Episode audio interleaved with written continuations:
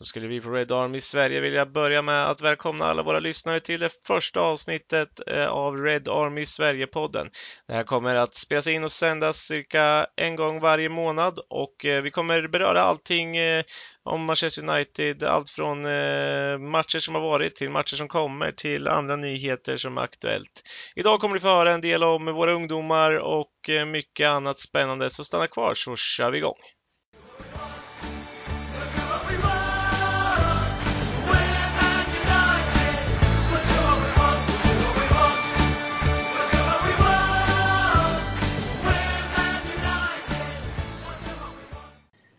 Då vill jag hälsa alla välkomna till första poddavsnittet av Red Army Sverige-podden. Och eh, idag har vi med oss inte mindre än två sköna gentlemän och eh, vi välkomnar dem Adam Stenberg, våran citatmaskin.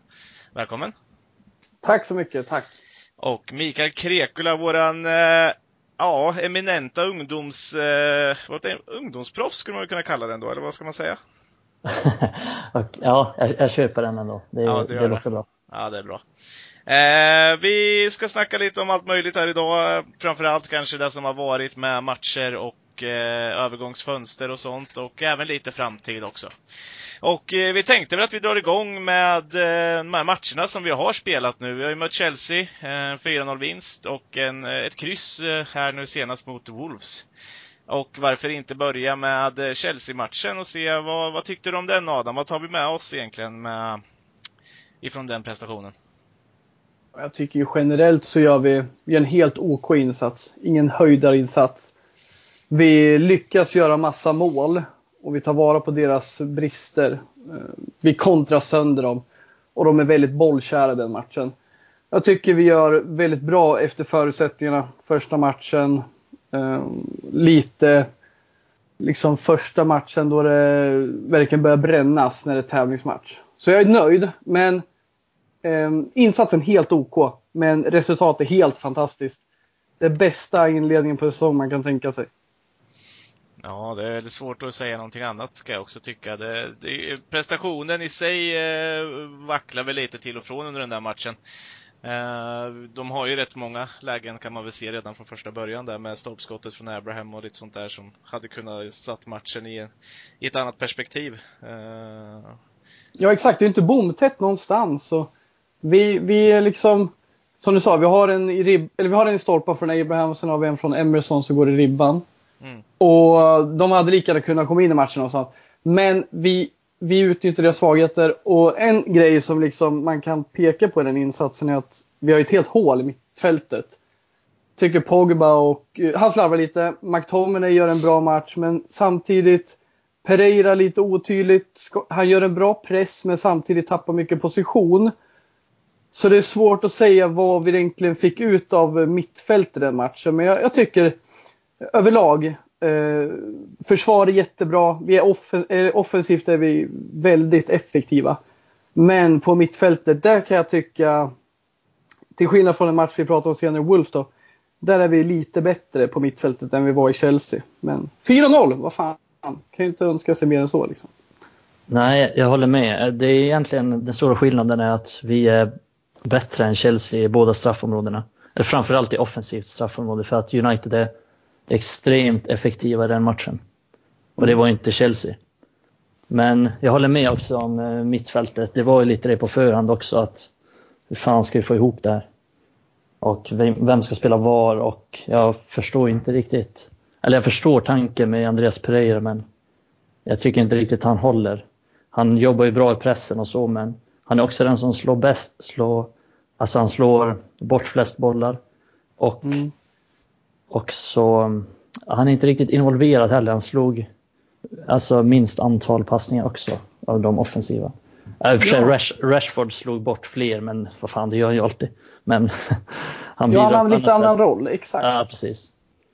Pereira ska ju ändå vara någon slags, någon slags playmaker, någon slags framspelare. Och nu gjorde han ju visserligen en assist och han är ju bra i inläggsspelet, men ja, lite mer att önska övrigt. Ja, och Pereira blev ju verkligen centrumet av diskussion efter matchen. Det var ju väldigt många i forumet bland kommentarsfälten på sidan som skrev liksom att han, de tyckte han gjorde en bra insats. Och ja, alltså utgår man från pressspelet så gör han ju bra ifrån sig. Men när det i, i slutändan leder till att han tappar position, vilket sätter Pogba och McTominay i oangenäma situationer. Det är där man får sätta i, i hela summan sen. Är det, är det värt det? Jag tror Solskär är jättenöjd med pressspelet men jag tror han mm. sätter sina lagkamrater i lite dåliga situationer. Sen om det är det Solskär vill, för att han vill ha en hög press, ja, jag vet inte. Ja, ja, jag tror lite det att han vill ju ha en hög press och då känner han väl typ att han har inte så jättemånga alternativ till att spela det. Det spelet känner han, tror jag. Mm. Och då vill han ha in Pereira. Absolut. Vad har vi sett i den här 4-2-3-1 som det, det, ser ut att vara, eller om man, vad man nu ska, vad ska kalla den formationen, så, så har vi ju inte alldeles för många spelare som för att spela den höga pressen ska passa i den där tia-rollen. Eh, mm. Jesse Lingard eh, gör ju en eminent första halvlek mot Wolves då, om vi, om vi bara eh, snabbt hoppar fram till den mot till exempel och vad jag tycker att Pereira bidrar med mm. i övrigt då till exempel i, i matchen mot Chelsea. han, han spelade väl lite både ut till höger och in i mitten där kändes det som. Jag vet inte riktigt vad vad spelrollsfördelningen var i den matchen eh, helt och hållet. Men jag, jag, jag, kan se det ni snackar om där att eh, jag tycker inte vi får ut så mycket av, av Pereira i den rollen. Eh, mm. Varken i, han ska ju vara en kreatör också av något slag, eh, vilket jag inte mm. heller tycker att han riktigt får ut något utav.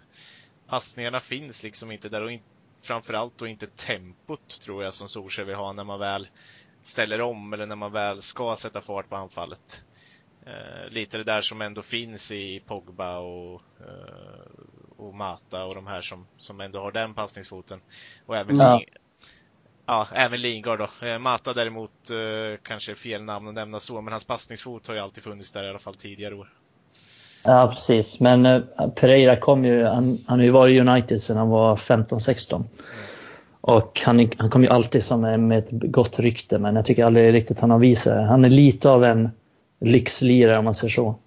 Han gillar att få bollen på fötterna och, och visst, nu jobbar han ju hårt men jag tycker inte riktigt han får till det. Han är lite, vad ska man säga, han är ju, han är ju bra i pressen som vi sagt men han är ändå lite temposvag tycker jag. Han, är, han har lite svårt när det går snabbt och sätta passningarna rätt och så vidare. Kan man kalla honom mm. lite naiv i sitt spel? Ja, ja, Alltså, ja faktiskt. Han är lite valpig av sig fortfarande. Tar lite fel, för många felbeslut för att vara liksom en, en mittfältare ändå. Men för vilket vi såg på, Ja, vilket vi såg på passningsprocenten också. Mm. Han, ja, han är lite hispig. Alltså. Om vi, om vi släpper Pereira en stund då och... Eh, Aldrig! Fokuserar, och fokuserar lite mer på uh, resterande laget där i Chelsea. Vi hade ju ett nykomponerat, eller en nykomponerad backlinje egentligen för första gången i, mm. i tävlingssammanhang med Wan-Bissaka, Maguire, uh, Lindelöf och Shaw. Uh, man såg ganska Wan-Bissaka har visat redan under försäsongen många matcher hans defensiva kapacitet och nu var ju första gången vi fick se Maguire eh, överhuvudtaget då, i en Manchester United-tröja så sett. Eh, och jag tyckte det såg ganska stabilt ut ändå. De eh, såg, mm. såg ut att trots den korta tiden ihop ändå matcha varandra rätt bra där bak. Eh, har ni något, eh, jag tänker, ser ni någon svaghet, någon något stor förbättring så mot tidigare år? Mikael? Jag tycker att Maguire när han har kommit in, att det märks ganska tydligt fast han inte har spelat så mycket, att han inger ett lugn som inte riktigt har funnits där. Det känns lite tryggare. Och det är lite av en irrationell känsla kanske, men det känns mycket tryggare när han är där än, än tidigare spelare. Men sen, ja, de passar hyfsat ihop tycker jag. Lindelöf och Maguire. Många menar ju på, jag läser så här Aftonbladet artiklar och krönikörer och liksom så här som menar på att de passar så fantastiskt bra ihop. Det vet jag inte om de gör. För att jag tycker att det saknas lite, lite snabbhet. Speciellt om vi vill pressa högt som Solskär verkar vilja. Då kan det bli lite, lite långsamt på det mittbacksparet. Men det är väl inget superstort problem kanske. Speciellt inte när van Bissaka är Wall Bissaka. Mm ja, det är ju eh, ett smeknamn som man verkligen har tagit, eh, tagit eh, till sig, om man ska säga. eller bevisat att han kan ha. Den, den där spindelfötterna är ju svåra att komma förbi och jag tror som, som det diskuterats eh, dels bland oss i Red Army Sverige och på andra också att eh, ja, jag tror att yttrar anfallare ganska rädda för honom. Eh, alltså de vågar inte riktigt för de, de vet nästan att de kommer bli av med bollen om de försöker eh, gå förbi eller runt honom. Eh, och jag tänkte, jag vet att du och jag Adam har ju pratat tidigare vid ett tillfälle angående Lindelöf just. Jag, jag tänker, han har ju alltid blivit eh, upphåsad som en ganska snabb mittback och, och passningssäker och sådär. Men många gånger tycker jag han ser inte så snabb ut faktiskt. Eh, blir ganska lätt ifrånsprungen många gånger. Eller har jag helt fel när jag, när jag har den analysen? Nej, men han och, jag håller med Mikael där, de är ju ganska lika de här mittbackarna egentligen. Alltså, Maguire slår han alla gånger i luften. Men det är två spelare som vill ha boll, som inte är jättesnabba men lever på mycket annat. Men Lindelöf just när det kommer till passningar tycker jag han är överskattad om jag ska vara ärlig. Han, han, är, han är bra med boll. Han kan passa. Men, men, det finns det många i den här ligan som kan. Och liksom jämför med, med Maguire som verkligen kan slå passningar. Då märker man begränsningen med Lindelöf och som jag ser det nu så har ju Solskär satt mer press på att ni ska våga slå upp bollarna. Därför har vi sett mm. Lindelöf göra lite andra eh, maner än han vågar göra med Mourinho. Mm. Och det har ju resulterat i en del felpassningar, vilket har blivit ett litet frustrationsmoment. Det är, inget, det är såklart, det är en ny grej vi håller på med nu. Vi försöker med mycket mer passningar framåt än under Mourinho, under Solskär. Men, eh, alltså från backlinjen då. Men där känner jag att Lindelöf är begränsad och han är en bra spelare. Men just passningsfoten, mm. den tycker inte jag att den är inte värre. Den är inte topp i Premier League liksom. Nej, jag känner lite att det är våra låga krav som har kommit in där. Vi har haft så jävla, så jävla usla mittbackar med, med bollen så att det har liksom mm. hypats upp också att ja, men nu kommer det in en, en kille, Victor Lindelöf, som är bra med bollen.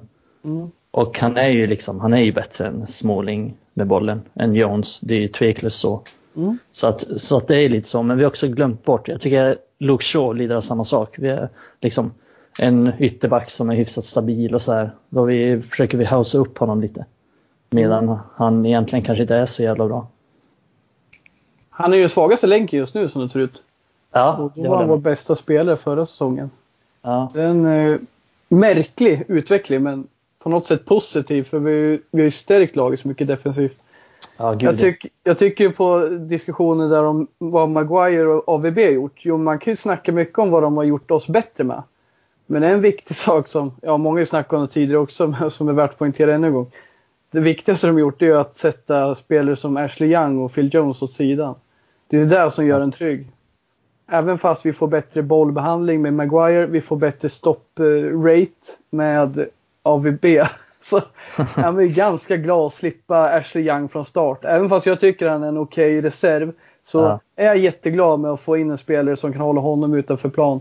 Och det gäller Jones med för Jones kan jag också se som, ja knappt en OK reserv, men ändå något som kan funka i vissa matcher. Men han är ju ingenting ja. på lång sikt. Han är Nej. ju skadad halva säsongen som det ser ut. Och han gör sina misstag. Så det känns jättebra med Maguire. Han har kommit in med den liksom. Han har fimpat Jones. Man skulle, man skulle ju lätt kunna jämföra Jones faktiskt. Jag säger det, han är knappt en OK-reserv, absolut, men han är väl bättre val än Eliakim Mangala i, i, på Citys bänk, så eh, skulle jag väl kunna tycka, som fjärde back. Ja, det var typ pest eller kolera där skulle jag säga. Ja, men absolut, jag förstår. Ja, men det är ju lite så, och man måste kunna ha sådana mittbackar också. Eh, men jag tycker vi sitter med tre ganska starka mittbackar, för vi har inte ens nämnt Toan Sebe i det här, så att eh, där har vi ju någonting eh, och, och du Mikael känner väl honom bättre än någonting så eftersom han också kommer från ungdomsleden. Mm. Eh, jag gillar ju Tonsebe, tycker han är superbra. Och han är också det, han är ett lugn i sig, han är supercool när han spelar. Och han stressar inte upp sig, han är bra med bollen. Han har egentligen också många bra egenskaper som behövs för att han är ju väldigt snabb också, han är jättestark fysiskt, fysiskt bra än. Mm. Sen har han ju bra fötter, lär sig spela bra. Sen har han ju lite svagheter, typ som Lindelöf. Många sa ju innan att ja, det skulle vara ett jättebra mittbackspar, Lindelöf och och Tonsebe. Men det håller jag inte riktigt med om för att skulle Lindelöf och Tonsebe möta liksom Brighton och, och de här i luftrummet, då skulle det bli tungt. Mm. Mm. Uh, och ja, jag kan inte annat än att hålla med där.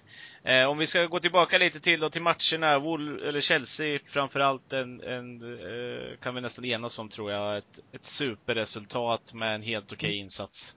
Mm. om vi går vidare till det som faktiskt hände här senast nu då. Wolves, ett 1-1 resultat med lite mer smak ändå skulle jag säga. Eller mm. vad, vad, vad säger du där Adam? Ja, min känsla är ju att jag är ju besviken över resultatet för jag tycker vi är värda mer. Vi är absolut inte besviken över insatsen i sig. Vi har lite vi har några fenomen under matchen som gör en jättefrustrerad, som är rätt onödiga. Vi har den här straffsituationen där vi sumpar det. Och om det är Pogba eller Rashford som är rätt. Ja, det, jag kan, av statistiska skäl kan vi välja Rashford ganska enkelt. Men om vi säger nu att det är Pogba som ska ta den. Så ska det inte vara något snack. Det ska inte hända under matchen. För det, det är liksom inte optimalt. Sen om Rashford säger att ja, men det är så vi gör, vi delar på det. Jag vet inte om jag tycker det är optimalt. Det, det såg inte särskilt tryggt ut på plan när man fick den här visualiseringen att de står där och vem tar det liksom. Ja, det kunde bli bättre. Och sen även statistiskt sett mot Pogba att han är inte jättebra straffskytt. Och Rashford är ju bevisat bra straffskytt. det är sådana grejer. Det är väl bytena i slutet på matchen. Det kan jag klaga på. Jag kan tycka att det är jävligt fantasilöst. Det är lite skitnödigt av Solskär. I en match där vi får chansen att kontra på slutet, då tar man in Mata. Det känns som att man borde ha vänt om på hela matchplanen där. Jag säger inte att Mata skulle ha startat. Men det är en sån match då om vi får läge att kontra när vi vet att vi inleder matchen som bollförande. För det visste han. Det var så det blev. Då tycker jag att det är konstigt att Mata kommer in i slutet och börjar halvtralla på plan. Men men, det kanske man inte kunde veta att det skulle bli. Men det vill komma till. Det är ett besviken över resultatet. Men matchen i sig, jag tycker det finns lite gott att hämta ur den här. Jag tycker det. Jag tycker att eh, Pogba till exempel gör en, en bra match. Även fast han är i en obekväm situation. Och han verkar växa in i den. Och jag är en av de som inte tycker han ska vara en sittande mittfältare. Men jag tycker ändå han sköter det bra. Mot ett av ligans vassare mittfält. Det måste ändå sägas. Det är jäkligt vassa, en vass trio det här som ja. är välkomponerad.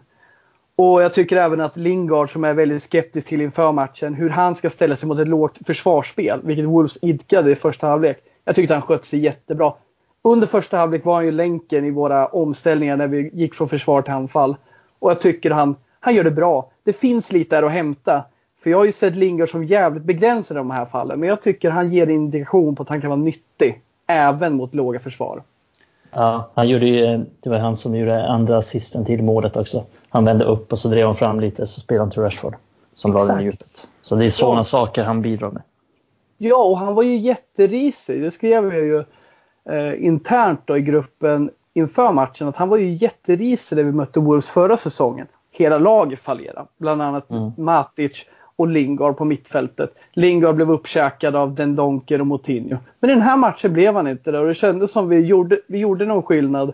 Jag tycker Pogba, Lingard, Martial i ganska ovana situationer. Alltså vi säger så här, Pogba är ingen van sittande mittfältare. Även fast han har spelat i United så är inte hans bästa position.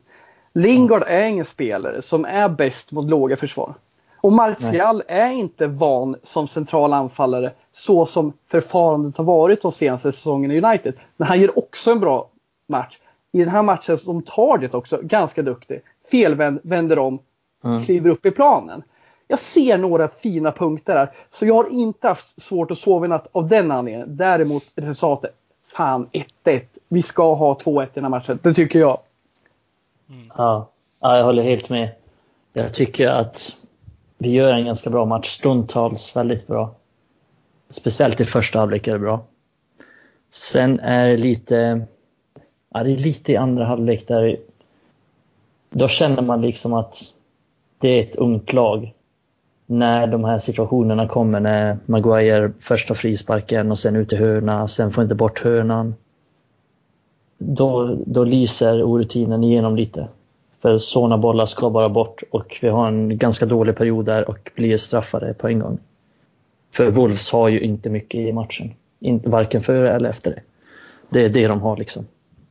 Så att ja, det är lite surt på så sätt och sen får vi straffen som som du var inne på också, att ah, det, det tycker jag ändå, Ole sa ju efter matchen att ja, men det var upp till dem, de fick diskutera det, bla bla bla bla. Men han måste vara tydlig där. Rashford ska slå straffen, det finns inget annat. Det ska, det ska sägas på förhand i omklädningsrummet. Rashford, du tar straffen. Inte ens i omklädningsrummet, det ska sägas på liksom så här matchgenomgången en dag innan. Jo, det är Rashford, Rashford som tar en straffen. Det jag är med dig Mikael. Det ska inte finnas några diskussioner ens. Mm. Så det, det kan är... vara så här att Rashford vill inte ta den och då ger det till Pogba. Den är OK kan jag tycka, någonstans. Ja, att Rashford känner sig inte manad. Men ja. nu, nu, nu, ska Pogba ta den för att han blev fälld och vill göra... Men så, det blir jättefel och Rashford har ju med sig statistiken där, det är självklart. Håller med. Mm. Det, det, finns ju inte mycket att diskutera om rent statistiskt på de två överhuvudtaget. Och jag kan hålla med dig där Adam. Det är en, en stor skillnad i att, att Rashford tar upp bollen, ger den till Pogba och säger slå dit den här.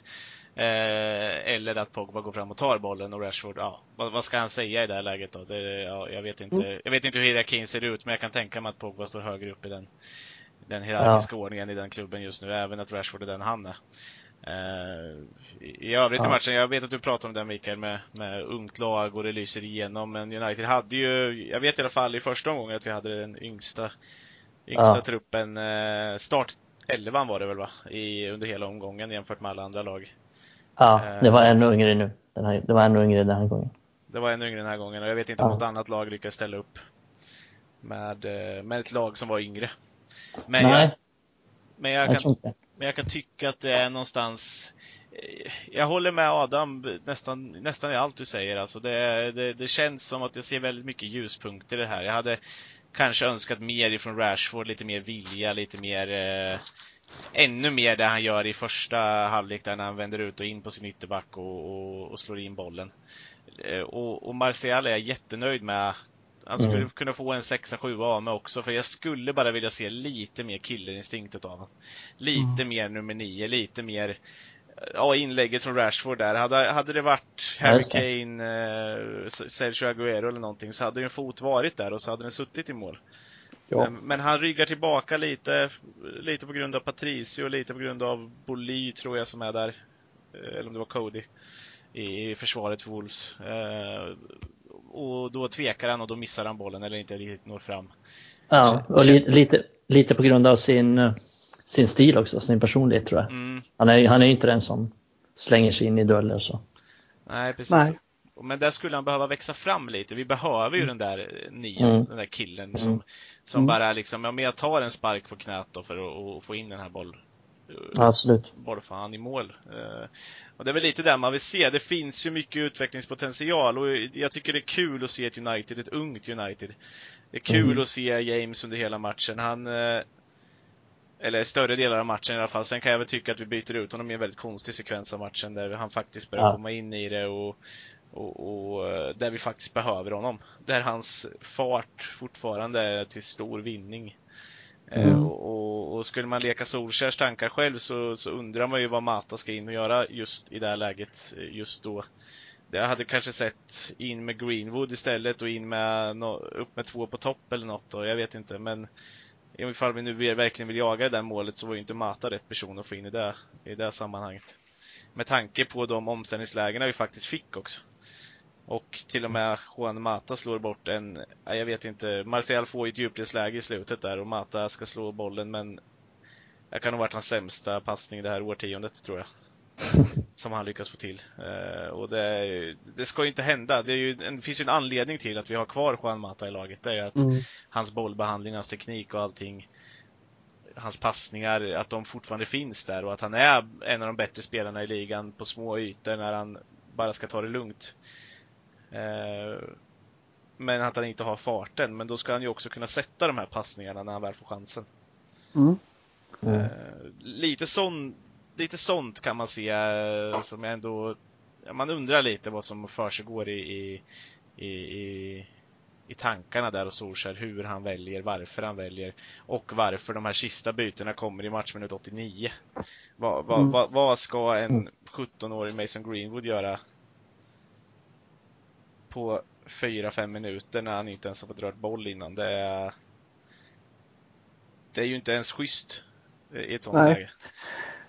Nej, det blev lite skev, eh, utveckling där. Vi hade ju skulle gjort byten tidigare och det kändes ju till exempel med Mata det knappt spelar någon roll att ta in honom eller Pereira. Det hade ju inte, alltså när Rashford kliver ut och Pereira kommer in, då, då slår man ju på text-tv liksom. Nej men vad gör man då? Alltså det är ju, det är ju, då är det ju över. Och sen blev det lite en halvchans där på slutet när, eh, jag vet inte fan vad det var, om det var Shaw som sköt. Ja. Men, men det, det förtäljer ju inte de märkliga bytena. Jag, jag, jag ser det där Mata-läget framför mig när han liksom får bollen eh, över, över mittlinjen och kan slå den i djup och slå den på första backen. Mm. Liksom det, men passningen är felriktad med tre meter, alltså ändå. Det, den är ju inte ens i linje med vad den ska gå i. Eh, så sätt. Det är ju inte så att, eh, jag tror det är Cody som får den på sig, det är inte så att han går in och gör en dunderbrytning och slänger sig in och, och tar bort bollen, utan det är ju en riktigt bedrövlig passning. Eh, ja. Så, som är, ja, jag vet inte hur man ska kunna försvara den riktigt. Eh, så, så att inte när det är den spelaren som slår den. Hade, hade McTominay slagit den så hade jag väl kunnat räcka upp händerna och sagt att ja, han kanske inte kan bättre. Men eh, ja, det är svårt Nej, att säga. Det, det är liksom det han ska bidra med när han kommer in. Det är det som är hans grej. Mm. Han ska göra dem där, han ska sätta dem. Annars fyller han inte en jättestor funktion. Det är inte så att han kommer ta bollen och springa förbi fem stycken. Eller Nej. vinna tillbaks bollen med en eh, stenhård glidtackling ute vid sidlinjen. Så att det är ju det är hans grej, det är det han ska sätta. Mm. Men tyvärr så, så gjorde han inte det. Nej. Ja, det var lite som vi pratade internt också. Jag vet eh, Adam, du nämnde det att eh, eh, att man nästan kunde nästan kunde ha slängt in Matic där i andra halvlek och tryckt upp Pogba ett steg i banan istället. Mm. Hade nog fått mer vinning utav det bytet ifall man nu ville ta ut Lingard. Eh, dels så får vi upp Pogba längre upp i banan och vi vet ju vad han kan bidra med rent offensivt mm. när han är på humör. Mm. Och han såg ändå ut att vilja eh, i matchen mot Wolves. Jag kan tycka att han gör en helt okej insats eh, i den som, som sagt nämnda situationen han är i och i den positionen som många och alla medier kanske rapporterat om inte är hans bästa. Eh, som sittande mittfältare. Och, och, ja, hade, man, ja, hade det kunnat sett olika ut om vi hade gjort det här bytet istället? Det är ju det är frågan. Jag tycker Ja, men det hade ju blivit mycket tydligare om, eh, om Matic hade kommit in. Säkrat lite defensivt, men samtidigt legat på kontring. Vi hade haft kvar Rashford, Martial, James på topp. Vi hade kunnat ta ut Lingard till exempel mot Matic. Mm. Även fast Lingard gör en jättebra första halvlek så kommer vi in, eller första halvlek, kommer in i andra halvlek med 1-0. Vi behöver liksom inte stressa. Vi möter Wolves på deras hemmaplan och vi vill ju få dem att hålla boll. För vi är bäst när vi mm. kan ställa om. Det hade ju varit jättesexigt. Jag sa inte det halvtid. Men i efterhand tänker man, fan det hade ju inte varit dumt att vi tänker till någon gång. För alltså istället, jo vi börjar backa hem, vi börjar låta dem ha boll. Men vi har ingen riktig tanke med det. Så när vi liksom slår upp bollen då, då, då når vi inte den och vi låter dem anfalla. Men, men det som är att försvara när de har boll, ja det är ju Lingard och Pogba i en ovan roll och McTominay det hade varit schysst att ta in Matic då som ett ankare där bak, eh, mellan mittfält och eh, backlinje. Men som sagt, det är något jag kom på i efterhand. Det kändes ju schysst att komma in i andra halvlek och bara köra på. Men eh, med korten på borden när vi börjar eh, släppa lite bollinnehav till dem när de måste pressa upp. Ja, då borde vi ha gjort någon mer taktisk förändring när vi ändå ska vara lite mer defensiva. Lingard är inte defensiv och i första halvlek var vi ganska offensiva och då funkar han. Ja, för Men, eh, rent i matchcoachning så måste vi väl säga att eh, Nuno vinner över Solskjaer ganska ja, ja, alla gånger. Alla gånger. Det är, I alla fall i den här matchen. Det är ju mm. en, en, rak eh, knockout nästan utav eh, Espirito Santo där på med tanke på bytet bara där av eh, vad han får ut utav att sätta in Traoria på kanten där och, och verkligen mm. försöka utnyttja ja, Shaws egentliga brister då ute på vänsterbacken.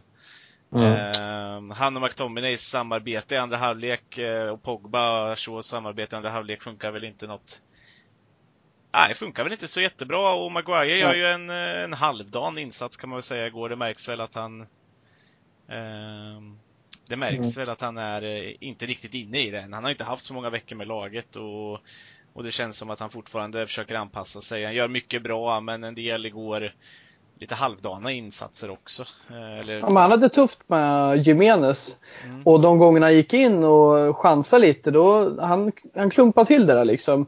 Han var inte dålig men absolut inte så här grym som han varit van vid tidigare. Så jag tycker i den här matchen var det verkligen inte den delen, varken Lindelöf eller Maguire som imponerade.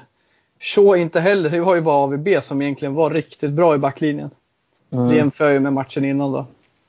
Ja, för kollar vi på Maguires nyckelsituationer, det är ju först frisparken som man tar och då slår de den, nickar i stolpen va? Jag tror att det är då. Mm. Ja, just det. Och sen eh, rensar han ut till hörnan ganska onödigt också när han är opressad. Mm. Och så gör de mål på den hörnan. Så att de situationer där han verkligen går in blir ju ganska, ja, United blir ganska straffade för det. Mm. Så att jag håller med, han var jag håller med, han var okej okay ändå men lite i några situationer var han lite sen. Mm. Men det kommer, det kommer väl. Det är jag liksom inte orolig för det. Nej, det är ju fortfarande en större säkerhet. Eh, jag kan tänka mig att eh, en spelare som Phil Jones hade dragit på sig frispark i det läget också, så att det, det går väl inte att... Ja, sen hade han nickat in bollen på efterföljande ja. frisparken i eget mål. Mm. Ja. ja, det är mycket, mycket möjligt faktiskt. Men, eh, men ja, alltså det, det, det, finns ju mer önska där egentligen utav båda mittbackarna. Jag tycker rent defensivt så tycker jag Lindelöf lyckas med ganska mycket igår, men hans passningsspel var väl ganska bedrövligt nästan. Ja, det var jättedåligt. Jag har inte sett statistiken nu och, och, och rakt framför mig, men eh, det, det kändes som att eh, de flesta passningarna framåt, och även ganska lätta passningar ut just till Wan-Bissaka ute på högerbacken och sådär. Han, han brände en del sådana som är konstiga. Mm. Enkla speciellt, speciellt i första halvlek så gjorde mm. han det. Eh, och man kan väl, eh, jag vet att han hade nästan, om man inte hade bäst passningsprocent i hela matchen mot Chelsea. Eh, mm. Kan tänka mig att han inte hade det igår. Mm. Det kändes inte som det i alla fall. Nej, ändå slår han ju ganska många lätta också, det får man ju säga. Mm, ja, det är många så här upp till Pogba, tillbaka till honom, över till Maguire, ja. ut till Wan-Bissaka. Så det är... Precis. Eh, jag tror inte han, jag vet inte om han satte någon av de här långa passningarna faktiskt som han har. Ja, några i andra tror jag han satte. Mm. Mm. Eh, och lite som jag vet eh, också som, som Adam och jag nämnt innan, eller pratade om innan och, och så, det är med att han, jag kan tycka att hans längre passningsspel oftast sitter bättre än, än när han ska slå dem halvlånga längs backen. Ofta de eh, mittfältare och så bryter de i de lägena, kan jag tycka i alla fall. Eller åtminstone på dem eller mm. touchar dem. Mm. Uh, och det är inte helt hundra där. Nej, nej. Det, det, känns som att det är lite... Vi ska se här, jag har faktiskt uh, uppe här nu Ja, man ska kanske inte klaga för mycket på Lindelöf igår rent passningsmässigt. Han sätter 72 och 77 så att... Mm. Uh... Men å andra sidan, mm. säkert 60 av dem är enkla passningar bara liksom till mm. ja, det... Fambisaka och så vidare. Men det är ju såklart, han är ingen katastrof där, det är inte det vi försöker säga heller. Nej. Men det finns, han kan bli lite bättre tror jag. Exakt, det är lite med det Mikael säger. Det finns många som försöker hypa den här killen. Eh, när det kommer. Jag tycker Lindelöf är jättebra, men när det kommer till passningsspelet då är han inte top notch. Och det är väl lite det statementet man vill göra. För det är ju lätt att hylla honom för att svensk. Han ska hyllas på många sätt och vis. Men vi ska hylla honom för rätt grejer. Och mm. inte för det som eh, kanske är lätt att snacka om. Jag var alltså klart som fan han var, vår, han var ju vår bästa passningsspelare förra säsongen. Men då har man ju liksom Humle och Dumle att jämföra sig med också. Det har han nu med i och för sig, men inte på samma sätt de spelar inte från start idag. Nej, och det som är lite, lite man kan ta på kanske här om man rent, tittar rent statistiskt då, och lite sådär, det är väl att han missar faktiskt fyra kortpassningar. Alltså de, och det är så passningar som inte är längre än, än tre meter, så att, eller fyra meter. Men. Ja. Uh, uh, det, det, det, det, kan man väl se som ett minus, i alla fall i gårdagens match.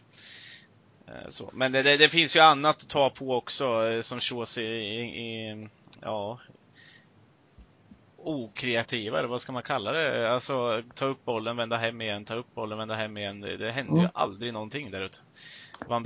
Wan-Bissaka försöker ju i alla fall där ute. Jag tycker ändå att han tar steget, han kliver fram mm. i banan. Eh, och försöker lite halvdant många gånger men ändå väga sig fram eller passa sig fram på något sätt.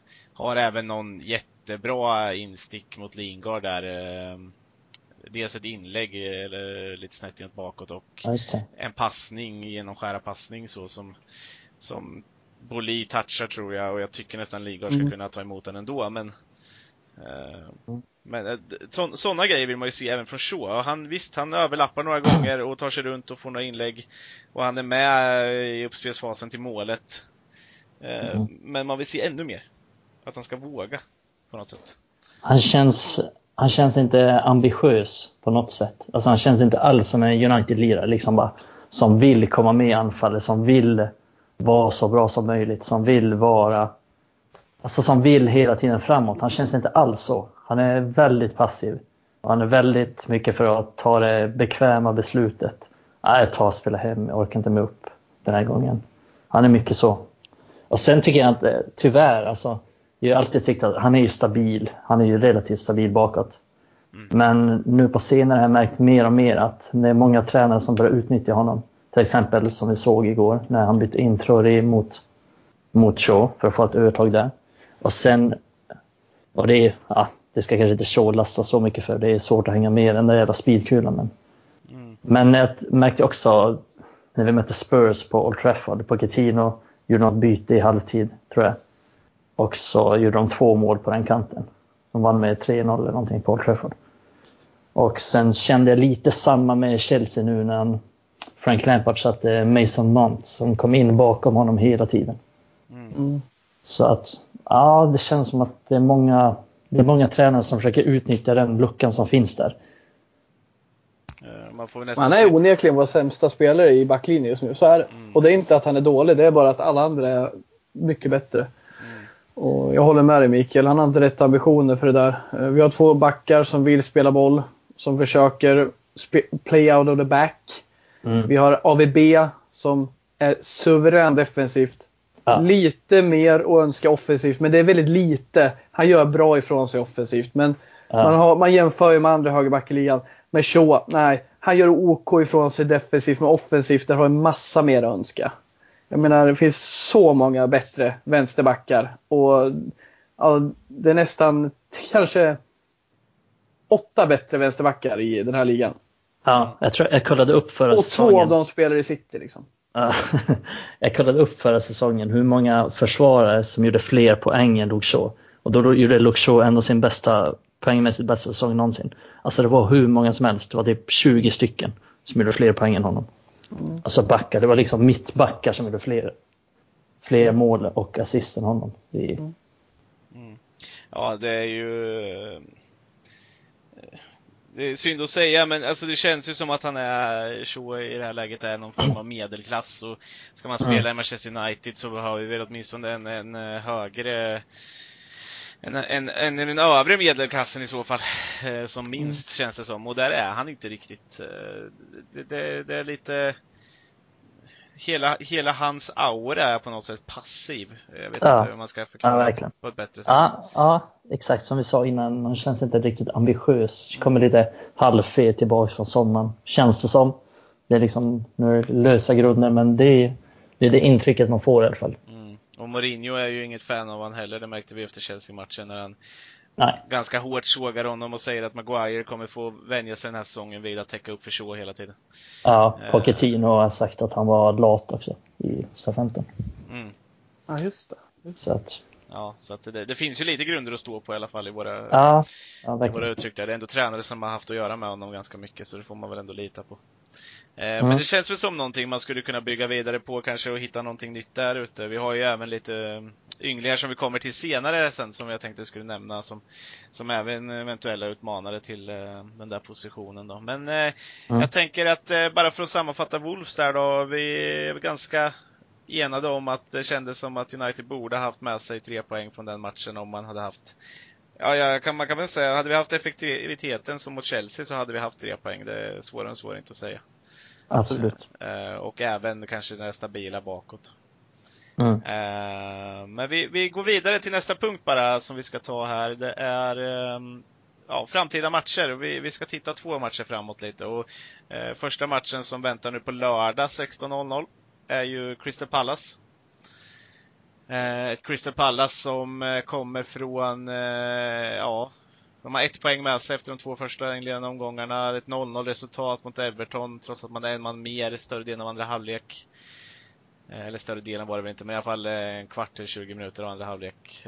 Och ett 1-0 förlust borta mot nykomlingarna Sheffield United. Ett Crystal Palace som känns eh, skakigt just nu och med sin största stjärna kanske eh, helt ur form och eh, oklart om han ens vill vara kvar. Och då pratar jag såklart om Wilfred Zaha, men vad tror vi? Det känns ju som att det här är en match som bara ska vara tre poäng nästan oavsett vilket lag vi mönstrar mot det här laget, mot Crystal Palace. Vad säger du Adam?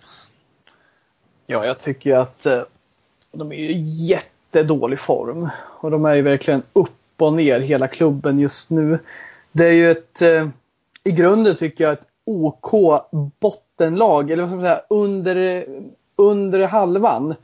Med Hodgson vid styret.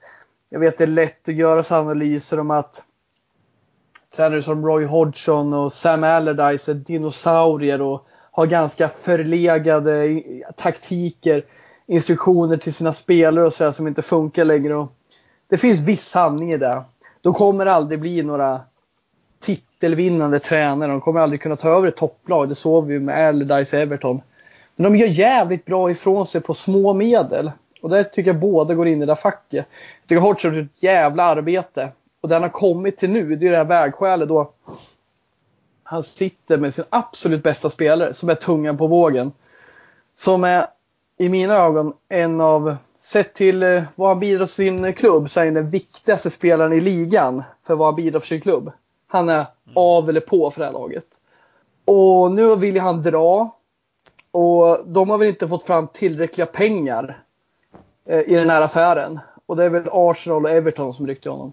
Mm. Och de, de, vet ju vad de kan få ut för dem och de är inte dumma de här. Jag tror det heter Parrish, han som har hand om affärerna där.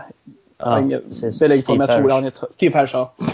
Och det är klart de inte vill sälja honom för de vet ju hur det ser ut på marknaden idag. De ska ju ha väldigt mycket pengar för den här killen. Han är engelsk, det är engelska klubbar som rycker i honom.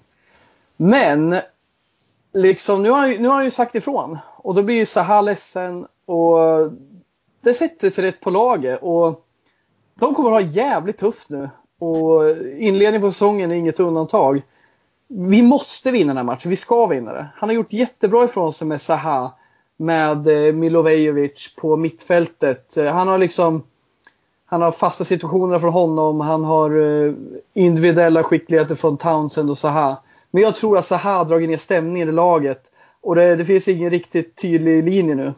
Och med värvningar så Cahill, det är en bra spelare i Premier League, men han är inte särskilt motiverad nu när han går dit. Och han är ganska gammal. Och sen James McCarthy som knappt platsar i Everton. Är en, mm. ja, en bottenspelare i ligan. Det Alltid ser inte bra ut. Alltid skadad. Mm. Jävligt... Eh, var en väldigt bra spelare skulle man kunna absolut, säga. Absolut, jag älskade honom när han spelade Wiggen. Mm. Men eh, mm. det har ju runnit lite vatten under broarna som dess om man säger så. Ja, skadorna har väl förlegat honom ganska rejält och det känns ju inte som en värvning man gör egentligen som startspelare men det, det, ja. Han startade sist mot Sheffield United, spelade 90 minuter tror jag så att eh, det, han är väl ja, han är väl lika aktuell som Wiggen typ. Ja. Ja men... ja men exakt, jag tänkte komma till det att den här truppen räcker inte till. Eh, Hodgson har inte med sig Zaha som är en av grundpelarna i hela laget. Det är liksom Eh, utan honom kommer de inte vara bra och jag är ganska övertygad om att de kommer åka ur i år om det fortsätter så här. För jag tror det här kommer eh, generera att han flyttar i januari. De får en rätt bra summa för honom och sen gör de några tokvärvningar. Tänk er David Moyes när han liksom börjar rota i Everton-arkivet och värvar Brian Oviedo och fucking Darren Gibson till eh, North England liksom ska stå där och dricka pints på träningen i Sunderland. Det kommer inte funka i Crystal Palace heller. Och som det ser ut nu, vi ska köra över dem. Och det mm. enda lilla problem jag ser här, det är att de älskar att kontra. Och mm. ja, vi gjorde det hyfsat första halvlek mot uh, Wolves. När vi fick hålla boll. Men nu är det två halvlekar och ja, vi är bättre än dem. Men det blir en liten utmaning. Vi ska hålla i boll igen. Mm. Ja. Men samtidigt så får man väl ändå, och innan du bara Mikael, får man ändå ta att om du nämnde förut att vi mötte i Wolves kanske ett av ligans bättre in i mitt fält så möter vi väl ett av ligans svagare in i mitt fält skulle jag nästan säga i Crystal Palace. Eller i alla fall ett av de mest avdankade. Även om jag gillar Milivojevic och, mm. och så, så, så, så, känns det inte som att det ska vara ett problem egentligen. Om Lingard kan röra sig lika, eller bara 70 procent lika mycket som mot, som mot Wolves så ska vi kunna arbeta oss igenom där också. Mm. Jag förstår vad du menar, men ja. det var ju samma mittfält som vi spelade 0-0 mot på OT förra året. Ja, och de har ja. bara släppt in ett mål på två matcher så att någonting gör de väl bra bakåt. Mm. Ja, det är Roy Hodgson. Han säger vad man vill om honom, men han vet hur man sätter upp ett försvar och han kommer Liksom, han har gjort de här typerna av matcher tusen gånger och hans backlinje som han har har gjort den 150 000 gånger. Så att ja, de vet liksom vad de ska göra. stinker ju låga backlinjen, så är det ju. Ja. Och jag såg ju matchen live faktiskt förra året hemma mot Crystal Palace. Och det var ju, de satt lågt, slog, de har ju ändå några bra spel, alltså några som är snabba och rätt bra med bollen som kan hitta på mm. saker som typ Andrews Townsend, Saha. Saha var briljant för övrigt på Trafford ja. förra mm. Och ja, det, det, det är väl det som oroar. Liksom. Eller jag är inte orolig för att liksom, Saha kommer göra hattrick eller Andrews Townsend kommer göra två mål. Jag är mer orolig för att vi inte kommer lyckas lirka upp försvaret. Precis, det instämmer. Ja, det, är väl, det är väl det problemet vi har och det är väl den utmaningen man tänker att Solskär Ja, det är där han har haft det svårt helt enkelt. Vi, United har varit bra när de, får, när de får ställa om, när de får mycket ytor framåt med Rashford, Martial. Men mot lågt, låga försvar, då, då har det varit tuffare. Så att, ja. Men nu var det ska inte Townsend med va? Sist. Överhuvudtaget. Tror jag, ja, jag vet inte. Jag har inte sett någonting av dem. Tack gode gud. ja, nej det är väl ingenting man, man eh, och Sheffield United Crystal Palace luktade väl inte årets bästa match men jag är rätt säker på att han inte var med faktiskt. Eh, vår, vår gode Townsend. Ja, det var han faktiskt. Ja, han var bara jätteosynlig kanske. Ja, för jag såg lite av den matchen. Men uh, en till som man kanske ska lägga till som ändå har lite i sig är en gamle, ja, en utav alla tyska underbarn som sägs ha varit någon gång i tiden. Maximilian Mayer har de ju också. Ja, just det. Uh, och han, han var ju otroligt lovande som ung. Uh, skadade sig väl ganska rejält han med va, om jag inte minns fel. Ja. Eh, och sen eh, hamnade han i Crystal Palace på något eh, vänster därifrån att han blev eh, free agent. Mm. Um, och... Men de har ju ingen striker, det är det som är grejen. Nej, de har de... ingen som gör mål. De har ju en Benteke och man vet ju ja, Han är ju med... så jävla dålig. Ja, det...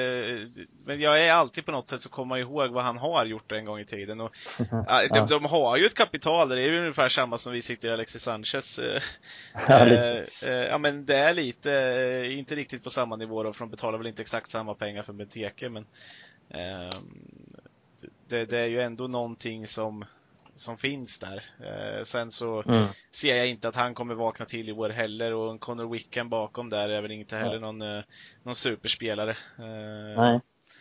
Deras gameplan är ju typ att Zaha fixar straff och Milivojevic sätter dem. Mm. Det, det, är liksom det som är...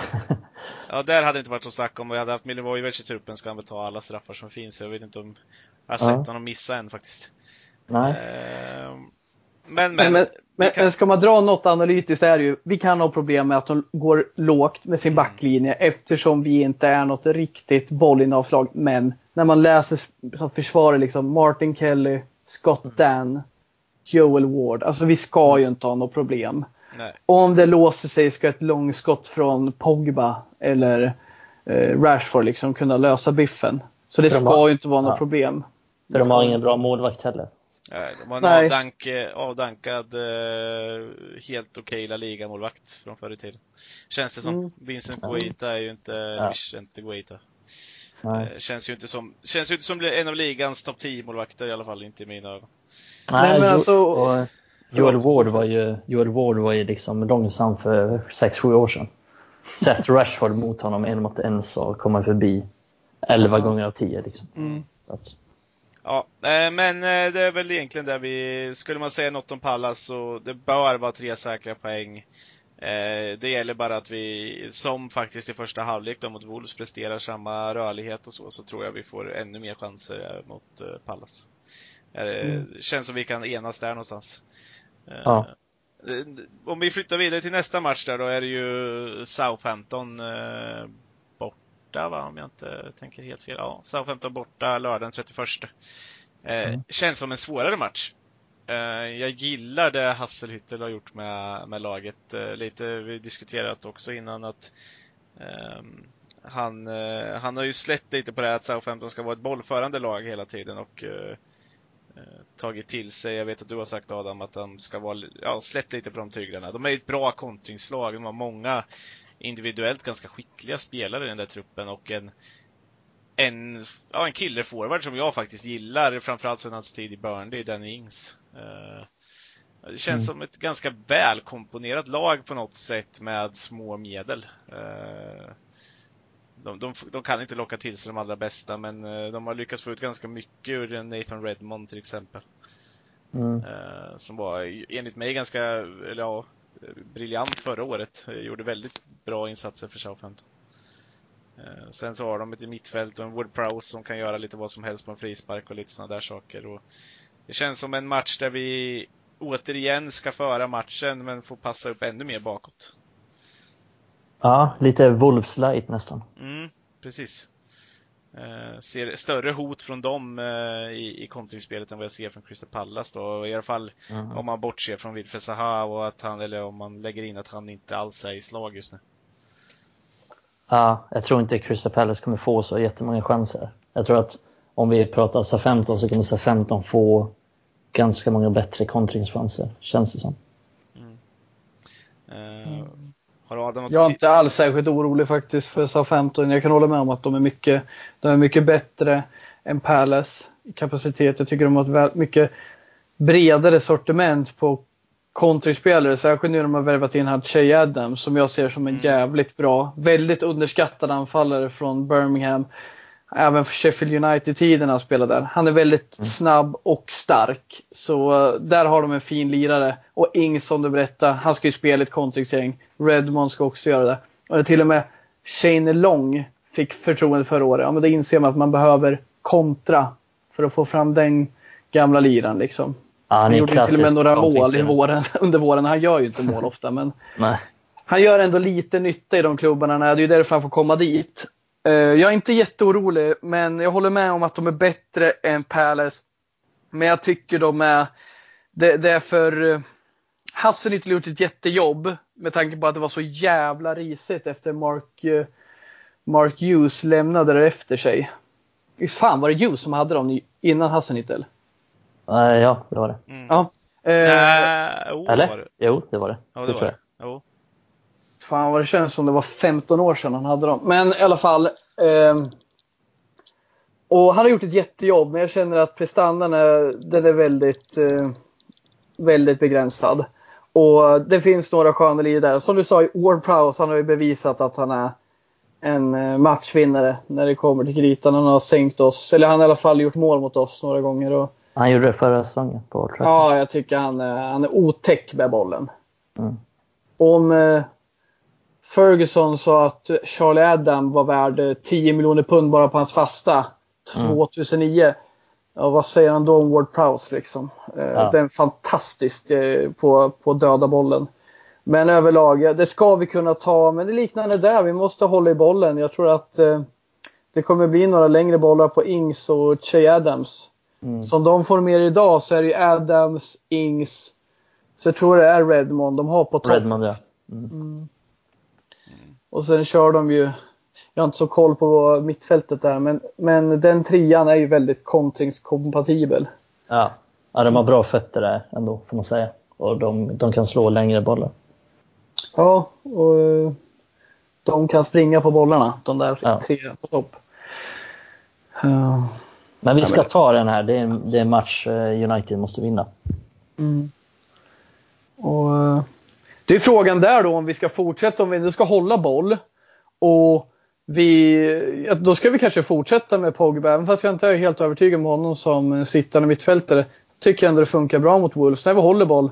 Han är, han är ändå liksom, vad ska man säga, med kortet på bordet, vad vi, vad vi har. Mm. Ja, vad, vad, ska vi annars göra? Då, ja, då blir det väl att vi tar... Nej, det blir ju inte det. Och då blir det kanske att vi har McTominay och Fred och Pogba framför. Nej, men då kanske jag gillar idén att vi har Pogba, eh, McTominay och sen någon framför. Och det är ju lite, tyvärr, vi har ju, som jag ser det, i den här pressande rollen så har vi ju Pereira onekligen eftersom att Ola har valt honom. Hade aldrig han tagit ut honom hade jag kanske inte pratat om han i den rollen. Men Ola får ut mycket av honom tycker han. Vi har Mata, vi har eh, Lingard och sen Gomez som jag gillar personligen. Du med Mikael. Men ja. han kommer ju säkert inte få chansen. Nej. Men där har vi också kreativitet. Så då känns det om, är vi mot ett lag som kommer backa hem, då kan vi lika gärna ha Pogba i en ovan eh, mittfältroll. Han ska inte vara där mot City eller Tottenham, men Nej. mot ett sämre lag, då kan jag gilla att han är där. Så det gäller ju att vi vågar trycka upp offensivt. Och jag, jag är osäker generellt över Lingards eh, överlag mot lågt mittfält. Men jag blev bevisad mot Wolves. Han gjorde jättebra från sig i första halvlek. Sen säger inte jag att först andra halvlek, det är inte Lingards direkt. Han gör ingen bra match visserligen, men vi börjar backa hem och ha kvar Lingard. Jag vet inte om det funkar. Antingen tar vi ut Lingard då mot en mittfältare och börjar backa hem och köra rikt, eh, längre bollar på kontring. Är lite lägre med backlinje och mittfält. Eller tar du upp Lingard och tar ut eh, någon annan. Men eh, ja, jag tror Lingard kan fortsätta där. Mm. För att summera min tanke om Southampton. Ja, precis. Ja, vi har inte så jättemånga alternativ där. Det är, det är den bistra sanningen. Vi har inte så mycket att laborera med. Så det är, det är liksom bara, ja. Men vi får ju gå på det vi har och det hade ju varit väldigt ja. kul att se en, en Angel Gomes få, uh, få chansen om inte annat. Uh, med tanke på vad som sitter där bakom. Jag ser ju 70 resor hellre honom än Mata och, och Pereira i det här läget i alla fall. Om vi ändå ska bygga nytt och vi ska bygga ungt, varför inte ge en sån lirare ändå chansen? Vi kommer in på det lite efter i nästa del här som vi ska prata om ungdomar och mm. lite sånt där. Men Mm. Det finns ju ändå några sådana spelare man skulle vilja se få mer chanser som, eh, och även Mason Greenwood.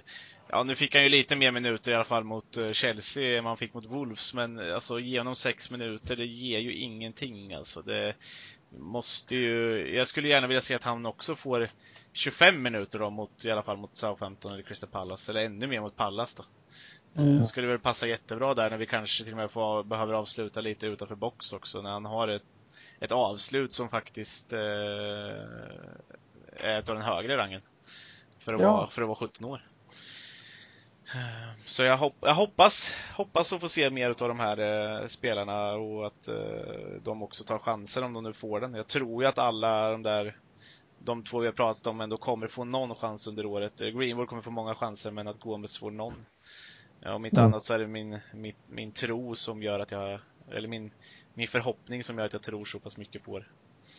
Eh, men, jag är av den enkla åsikten där att eh, jag tycker vi ska köra in Gomes mot sämre lag när de kommer ligga lågt. Mm. Jag ser mycket mer, eh, alltså eh, vad ska man säga, utfallet av vad han kan göra med bollen när de ligger lågt och vi ska röra oss. Han är, jättebra, han är jätterörlig, han är bra med boll, han har fin touch, kan kombinera.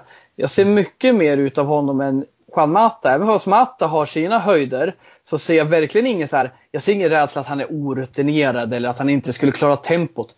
Det är en jävla, det är en tuff kille där. Han är inte stark, men det är inte det han är bra på heller. Han har balans och han har liksom, han, han är mogen, det såg vi under försäsongen. Han vill ju spela boll, han gömde sig inte. Det är samma med Greenwood. Så det är killar som är redo. Sen om man tittar på siffran, det är klart att man blir, kanske blir rädd.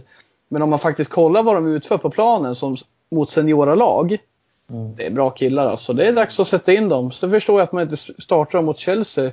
Men eh, ja, mot Southampton, Crystal Palace borta, varför inte?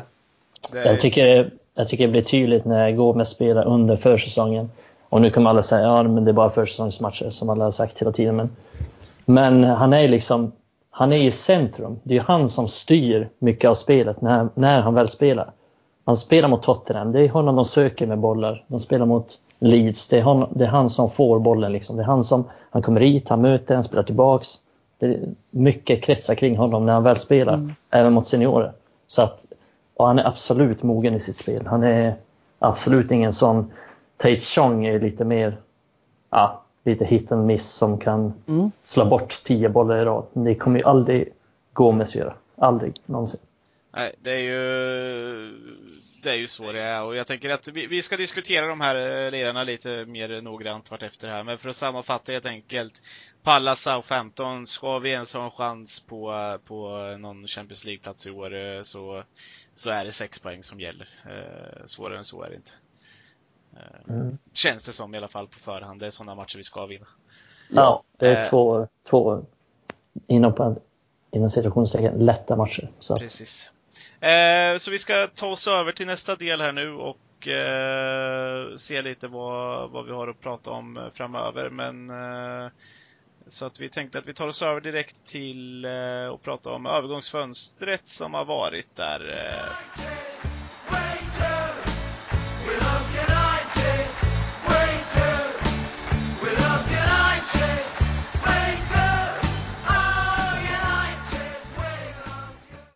Ja, då var det dags att prata vidare lite om övergångsfönstret som har varit då och eh, Ja, det blev väl inte så mycket värvningar sett från Uniteds sida. Kanske inte som man hade hoppats i alla fall. Dock eh, fyller vi ju två positioner eh, i, i, backlinjen som har varit önskvärda att fylla en ganska lång tid. Eh, Aaron Wan-Bissaka kommer in som högerback som vi har diskuterat tidigare här med i matcherna och Harry Maguire kommer in eh, som mittback eh, och, och fyller ganska stora hål ändå som vi har haft i truppen. Eller vad, vad, vad tycker du Mikael? Mm, det skulle jag väl säga att det gör. Vi, vi var i skrikande behov av en mittback.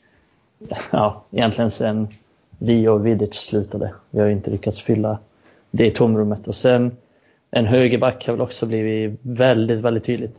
Vi har inte haft en ordentlig högerback sen ja, sen nästan Gary Neville, Rafael kanske man kan säga. Men det är ju väldigt länge sedan nu. Så att ja, det, det är på tiden att vi fick in lite ordentliga killar. Och, och jag känner ju också så här att det är två killar som kommer att prestera. Det är två killar som inte känns som några direkt osäkra kort på så sätt. Utan de kommer att vara bättre än de som har varit där tidigare och det kommer bli bättre. Så lite så känner jag. Och det är två positioner som som vi stärker upp helt enkelt. Mm. Och på det så, så fyller man även på med en, med en till yngling kan man väl säga då, eller en som eh, föryngrar laget ännu mer med Daniel James då. Så, eh, mm. en, en, en riktig speedkula eller vad man ska kalla honom ute på, eh, ute på kanterna. Man såg de här ihopklippet som vi la ut på Facebook-sidan med honom från Swansea där så man ser ju vad han kan skada lag bara genom att springa. Alltså det, det finns något i honom också. Och, och, ja. och lägger man ihop de tre värvningarna så får jag väl ändå säga att jag tycker ändå att övergångsfönstret på något sätt blir godkänt. Eh, vi fyller ändå två luckor som är eh, som är ganska eh, kraftfullt eh, behövda eh, att fyllas mm. och eh, sen får vi in en yngling till som är ja men ändå alltså helt, helt, helt okej okay, bra värvning. Det, det, finns ändå någonting där. Det, det kostar inte mycket pengar heller sett till dagens eh, ehm, sett till dagens marknad. Så eh, jag måste väl ändå säga att jag kan tycka att det är godkänt även om det fanns mer att önska, speciellt på, på vissa andra platser i laget. Eh, jag tror Adam vet vad jag tänker på. Jag vet inte vad du säger eh, angående det. Jag känner väl framförallt med de här inkommande värvningarna vi har fått så känner jag att vi har fått starka karaktärer. Eh, vi har profiler som är ödmjuka. Vi har Daniel James som tittar upp på läktaren och det bara glittrar i hans ögon när han spelar i röda tröjan. Det finns inget fel i den där ungen. Så han har helt rätt mindset. Han springer som ett djur. Han kommer göra allt för att lyckas i den här tröjan. Och det är få förunnat i dagens samhälle, tänkte jag säga. I dagens situation. Dagens samhälle med kanske. Det är mycket man tar för givet. Och en mm. av dem, det är liksom lönechecken när man kliver in på Old Trafford. Men den här killen här spelar för mer än lönechecken, det kan jag lova. Och mm. jag känner också med Maguire liksom. Kommer ihåg när han klev in på FAs, eh, eller på, vad fan heter det, där England kör sina landslagssamlingar. Kliver in där i en jävla soppåse med sina kläder i. Liksom straight out of Sheffield. Alltså det är killar, det här är inga, det här är inga som spelar för lönechecken. Och det där jag gillar. Jag gillar att Ola har tänkt steget längre. Och det är fan i mig viktigt idag. Och när man ska bygga det här laget, då vill han ha spelarna att lita på. Kanske därför ja. han väljer Pereira. Även fast jag inte stöttar det, så kanske mm. därför om man ska hitta en anledning, så är det för att han vet att den här killen ger 110%. Sen är han skitdålig ibland. Men för honom är det jävligt tryggt att ha Jung och Pereira som alltid gör det han säger. Så det är min starkaste, förutom att de, de täpper till hål. Jag håller helt med Mikael. De täpper till hål och de ökar både kompetensen men också mindset i klubben. Och det känns som vi är på väg åt rätt håll med de här. Sen eh, önskar man att vissa andra delar i laget fylldes ut. Vi blev av med en striker i Lukaku som aldrig var rätt för oss, men vi har ändå blivit av med en stark anfallare. Tycker att vi behöver byta ut honom? Kanske inte, men det visar sig under säsongen. Det känns som vi har några sköna strikers som vi kan använda idag. Men centralt mittfält, där känner jag att vi är tunna idag. Och där hade jag väl önskat mer. Mm. Och vi har ju pratat lite mm. om det tror jag innan också det här med att ja, vad har vi egentligen att välja på då i den där tia rollen för att få ut det det Ole vill i pressspelet, ja det finns väl egentligen, eh, om man nu räknar bort Gomes då, så, så, finns det väl en spelare som passar där och det är ju Jesse Lingard eh, som kan fylla ut det med pressen då. Alternativt Paul Pogba upp i den rollen då och att man lägger in någon annan bakom. Men det känns som att det finns luckor att fylla. En, en Scott McTominay som vi inte har nämnt så mycket än så länge eh, har ju ett ganska stort lass att dra eh, i år. Visst, nu löpte han mest eh, utav alla spelare i hela första omgången där. Eh, eh och, och det, sådana prestationer måste han ju fortsätta att bidra med om, om det här ska eh, gå igenom eh, överhuvudtaget. Mm. Känns det som i alla fall. Ja, det känns som Lingard. Det är, det är en spelare som han, han gör bra ifrån sig. Han kan pressa bra och han gör vissa bra matcher. Men sen när han liksom försvinner under säsongen, han har något dåligt svit, det är då man vill kunna stötta upp med något. Och som det ser ut idag, och det kommer bli Pereira. För oavsett hur mycket vi sitter här och predikar om hur bra Gomes är, så verkar det inte som att Ola håller med. Och jag vet inte vad det handlar om. Men en sak det handlar om är i alla fall att Pereira gör ett jävla bra jobb förmodligen på träningarna och visar ett rätt mindset. Men där, vi är begränsade där. Och det är en del, där är vi begränsade kompetensmässigt, inte kvantitetsmässigt. Men på centralt mittfält när det kommer till tvåvägsspelare. Ja, fan, där är det inte mycket alltså. Det är McTominay och som du säger, det... Skadar väl... han sig, då vet det fan alltså.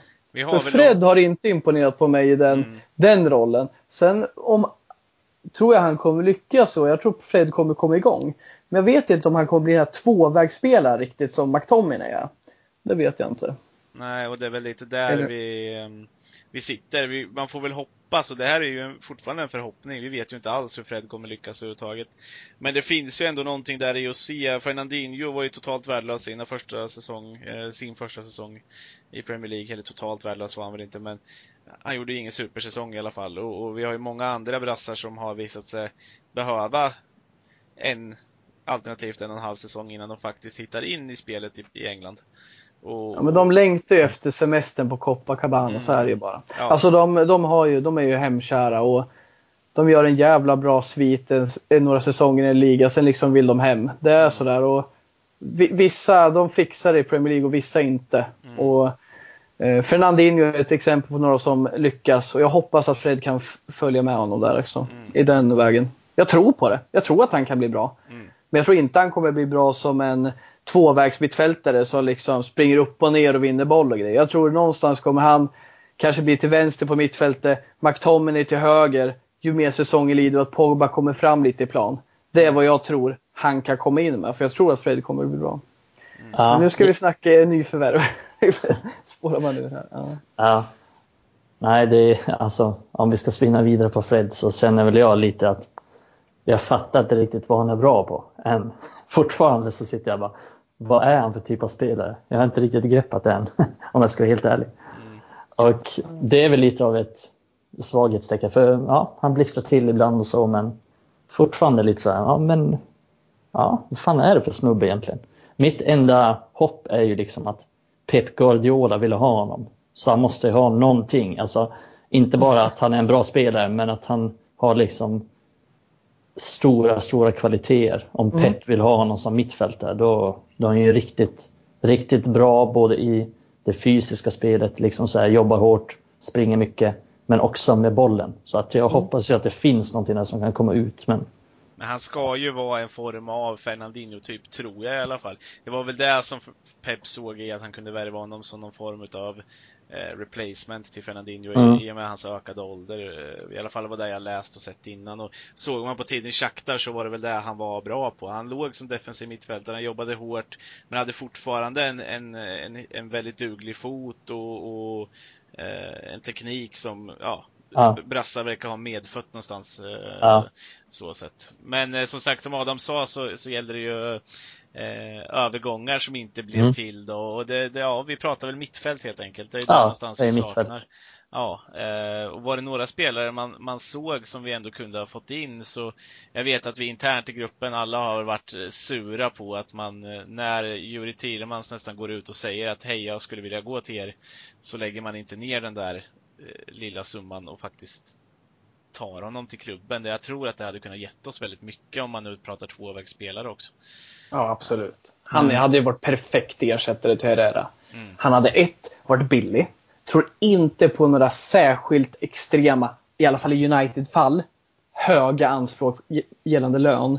Och jag ser att han, han håller rätt nivå. Alltså Herrera, han var skitbra. Men han är inte en av de bästa i Premier League. Det är samma med Thielemans. Herrera kanske i min värld är snäppet bättre, men Thielemans är inte långt ifrån. Jag tycker han var jättebra förra året. Och vi, det kommer visa sig i år hur bra han är i Leicester att det är en jävla miss att vi missade honom. Han hade gått direkt in. Vi hade inte behövt förändra någonting. Och eh, ja, nu känns det tvärtom där. Thielemans är en fin lirare. Och om det är nu så att han ville gå till oss, ja, då är det ju bara, det är bara Ed Woodward som kan liksom sumpa en sån affär. Ja, och lite med tanke mm. på hur sättet hur vi spelar också så fanns det en spelare till ändå. Han är ju fortfarande i och för sig inte värvad tror jag va, men eh, Donny van den Beek har ju också gått ut och sagt att han ville till England. Eh, och att Tottenham och United var två klubbar han ville till. Eh, eller hans agent var det väl mer sagt som sa det. Eh, ja, men han skulle ju gå till United om han fick chansen. Ja, det skulle han. Han skulle ju välja United. Och ja. om vi tittar på den här tia-rollen, skulle inte han passa ganska bra där då eller? Eh, poänggörande, Uh, ung, springer ganska mycket ändå. Jag, jag, tror inte det hade varit en, en värdelös värvning. Uh, och, och för jag håller med dig. Jag håller med dig. Alltså det är klart om, om vi lever i en värld där vi värvar sex spelare, då är det klart han är en av dem.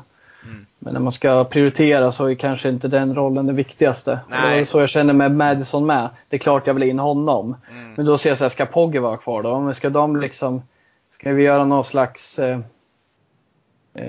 konstig konstellation på mittfältet där vi har två offensiva. Madison eller van de Beek med Pogba. Alltså, äh, jag, jag vill också ha honom. Mm. Och det är klart då, om vi gör massa värvningar kan vi göra. Men nu kunde vi knappt få en mittfältare. Så, ja. Jag gillar van de Beek. Jag tyckte han var jättebra i Ajax förra året. Men jag tycker inte det var en prio. Den rollen. Som sagt, vi har ju folk på offensivt mittfält. Även fast de inte är bra. Men vi har ingen tvåvägsspelare. Nej. Förutom eh, McTominay och han är fortfarande junior. Mm. Liksom. Mm. Ja, och det, det, är väl där man får se till. Eh, någonting man kan se som positivt där då. Jag vet att eh, det, det ryktades om en hel del, eh, jag vet inte om United inte ryktades med någon spelare som fanns tillgänglig på marknaden under det här transferfönstret, men så är det väl alltid. Eh, mm. Och en spelare som du absolut inte vill ha till klubben i alla fall är ju Sean Longstaff. Men han kändes ändå ganska nära ett tag. Eller vad säger du Adam? Gamle Longstaff, ja. ja. Man var ju rädd att han skulle titta in där på Carrington med sin Fiat Punto. Nej, alltså det är en livsfarlig spelare. Den där hade jag inte velat haft. Jag tror han, han är jättebra spelare, men det är inte vår ambition. Jag tror vad du sa Mikael, det är en ny McTominay. Och vi har McTominay. Och vi investerar i honom. Vi behöver inte ha en till lirare. Precis. Nej, precis så. Nej, det är så enkelt att ta in praktikanter på ett företag när vi inte har handledare åt dem. Alltså, vi, vi ska ju inte ta oss vatten över huvudet där. Och, ja, men den hade ju inte förvånat mig för den är, den är jävligt enkel. Mm. Newcastle säger vi säljer den inte. Ja men vi bjuder så här mycket. Ja men okej okay då. Mm. mm. För Newcastle är inte kända för att ha några särskilt långsiktiga ambitioner. Så det är klart de fimpar en Georgie liksom för 60 miljoner pund. Absolut. Ja gud ja. Eh, men det här blev en ganska bra, eh, vad brukar man kalla det, segway. Eller eh, en eh, riktigt bra planka över till eh, att prata om våra ungdomar just där. Vi säger att vi har en McTominay. Mm. Eh, vi har ehm, redan där, så varför ska vi värva en ny McTominay? Vi har pratat om Gomes ganska mycket, men det finns ju ganska många fler spelare eh, som redan har varit uppe. Vi har fyra, fyra ungdomar, eh, om man räknar bort McTominay och, och, och Tuan Sebe då, eh, som är med på, eh, eh, på försäsongslägret. Ehm, vi har Greenwood, vi har Sean Gomes, Garner som är med där. Och jag tycker alla fyra ändå presterar väldigt bra under försäsongsmatcherna. Eh, Chong har ju någon match där, där han är helt briljant ute på kanten. Eh, Gomes har någon mm. match som han är verkligen visar det här vi har pratat om. Eh, Greenwood gånger flera med sina avslut, med sin näsa ändå för målet. Känns som att där har vi, om vi pratar om att Martial saknar den här killerinstinkten, så känns det som att den finns någonstans där i Greenwood. Eh, jag vet att eh, du Mikael har jämfört Greenwood med med, med Robin van Persie eh, till exempel. Eh, och det finns vissa likheter i alla fall. Eh, och eh, James Garner får göra mål eh, i en av sina matcher. Han har väl, var väl den som känns som den som kanske är längst ifrån en trupp just nu. Han spelar ju fortfarande i, mm. i U23-matcherna och så, där han i och för sig har varit lysande de sista här nu. Men eh, vad, vad, vad, har du Mikael att säga om vi tar Sean Gomez, Greenwood, eh, Garner. Vad, vad, vad, har vi att, att plocka med där egentligen? Mm.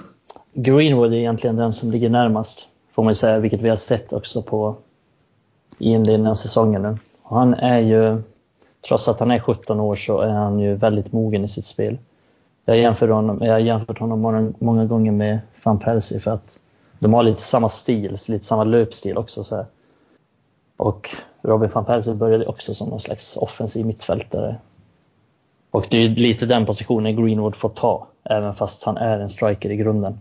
Men är ju, han kan hantera alla positioner på det offensiva mittfältet och även på kanten, båda kanterna också. Och det är väl främst i höger, höger yttermittfält han kommer spela då.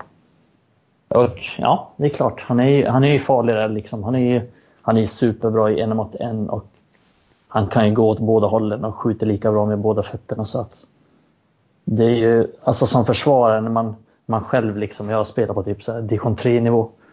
Det är ju mycket, mycket enklare att möta en som man vet kommer ta med högerfoten bara.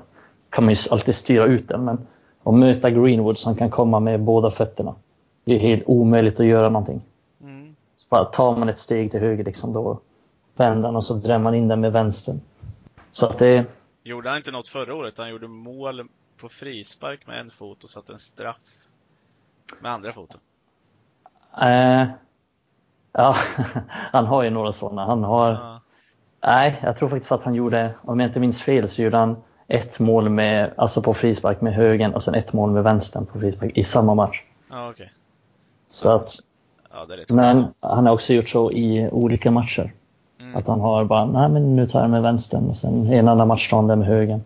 Så han gör samma sak med straffar också. Han är ju vänsterfotad i grunden men straffen mot Milan tog han med högerfoten av någon anledning.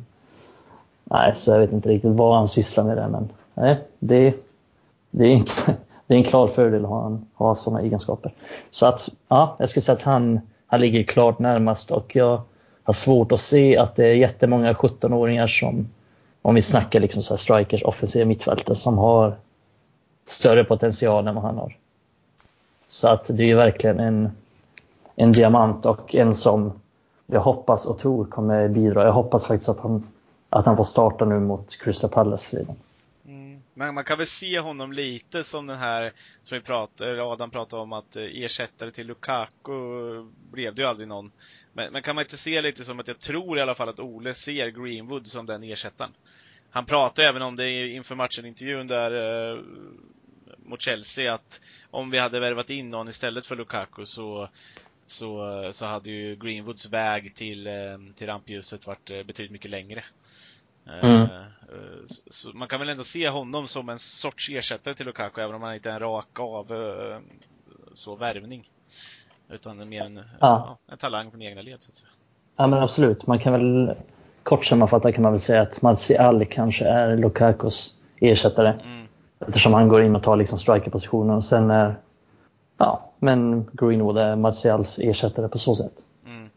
Och ja, men absolut, och det tycker jag det är ändå helt rätt. Alltså vi har prio när United ska värva måste vara, det måste vara backlinjen och mittfältet. Även fast det är lite, lite tunt på anfallet så, så var det rätt prio liksom att försöka stärka upp mittfält och, och backlinjen. Mm. Så vi flika in här, jag känner att eh, hade det varit kontentan blivit att vi värvar till exempel såklart, alla här hade ju drömt om Sancho. Vi kanske får honom nästa år, jag vet inte. Mm. kan vi bara drömma om. Vi ska inte ens drömma om sånt, då blir vi bara besvikna. Men alltså, tänk om vi värvar en riktigt bra ytter. Vi säger Sijek, vi snackar om honom. Sijek från eh, Ajax. Mm. Och sen blir kontentan att det blir ännu ett år i ungdomslaget för Greenwood som är redo att komma ut och verkligen köra A-fotboll. Nej, det, det, det är ju tråkigt så jag är ju glad att det blir så här ändå. Och som mm. du sa Mikael, att vi har prioriterat rätt där ändå. Vi, vi, det är klart man önskar att vi kunde värva tio spelare men blir det till eh, blir konsekvenserna att Greenwood inte får spela? Nej, men det känns inte som the United way. Det här är det mest spännande vi har när vi tar fram egna produkter som är jävligt vassa. Och det är Greenwood. Ja. Någonstans får man liksom väga upp vad som betyder någonting. Mm. Och det här är ju liksom Manchester United, det här vi vill ha. Och det, det är så här det ska vara. Och när vi har en sån pelang som Greenwood, det är klart vi måste satsa på honom. Även fast det kan ju hända massa skit. Han får hybris och blir kass, han bryter benet och så vidare. och så vidare. Men den, alltså liksom den råtalangen han har, det han har visat hittills, det har jag aldrig sett någon annan göra. Och då har jag ändå sett liksom Paul Pogba spela i U18 och U23 flera år. Mm. Så att han har ju sån enorm potential och, och det tycker jag ändå, liksom, han kommer in i A-laget på, på försäsongen och så gör han två mål. Och jag reagerar liksom inte ens på det. Ja, men det är klart. Mm. Han är så pass bra att han, han gör mål när han kommer in. Och Ole sa ju också det inför, inför matchen nu mot Wolves. Han fick ju frågan. Han fick frågan vem är den bästa avslutarna av Martial och Rashford? Då sa han ju ja, ingen av dem är lika bra avslutare som Greenwood. Lite ja, är... halvt liksom så här med glimten i ögat, men ändå. Liksom sa han och Ole vet vad en bra avslutare är. Ja, du. Ja. Säger mycket om Ole, men han kan fan med snacka om anfallare och avslut. Ja, men alltså det, det, där, det där Greenwood gör i försäsongen, skottfintar och skjuter med curl mm. i gruppen av spelare.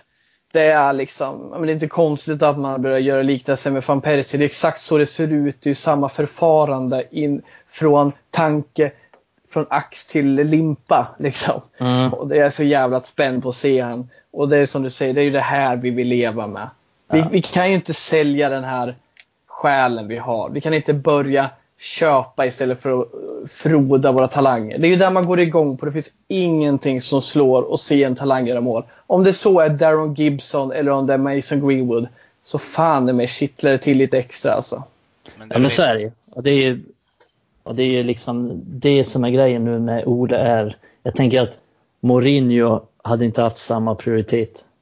Så Nej. att på så sätt är ändå, även fast jag är lite, lite besviken på Ole att han liksom inte är, vi väl kanske in på det lite senare, men han har varit lite feg i vissa tillfällen, men han, han tror ju ändå på Greenwood liksom och han vill ju snåla lite om man säger så. Han vill ju inte köpa en till anfallare. Nej. Mm. Men är inte lite mer the United way också? Och, ja. och, och, och, som vi alla pratat om, det har varit snacket om det, att vi har tappat vår identitet och allting sånt. På något sätt, om man, eh, visst man kan kritisera Ole i många grejer och han kanske inte är världens bästa matchcoach och allting sånt, men eh, men att just våga satsa på ungdomar. Eh, jag, jag vill bara se att snack blir till verklighet nu också. Att det verkligen att de får chansen. Att det är, visst, McTominay har fått en, en, en, eh, en plats nu. Tror han CB ser ut att vara vår tredje back.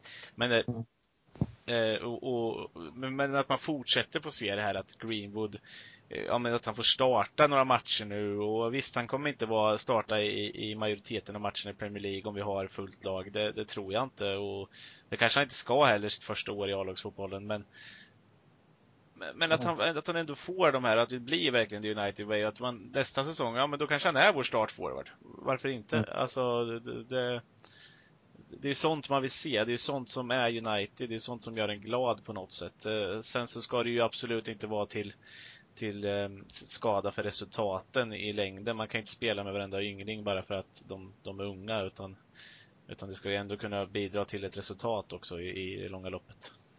Ja, det är bara att kolla på liksom hur Rashford fick chansen, hur. Federico Makeda fick chansen, hur, hur många unga som helst. Liksom, det, det, är oftast av en slump de får chansen. Nu är det inte så mycket slump med Greenwood, utan nu är det mer strategiskt. Han är så pass bra liksom att han, han tar en plats i truppen. Han är given på bänken nu, känns det som i alla fall. Mm. mm. Så att, ja, det är en tidsfråga innan han får starta tror jag. Men det känns lite så att eh, om, man, om man släpper Greenwood snabbt, att, man, att det skulle nästan behövas en slump för att Gomes skulle komma in och, och, få den där chansen som vi har pratat om.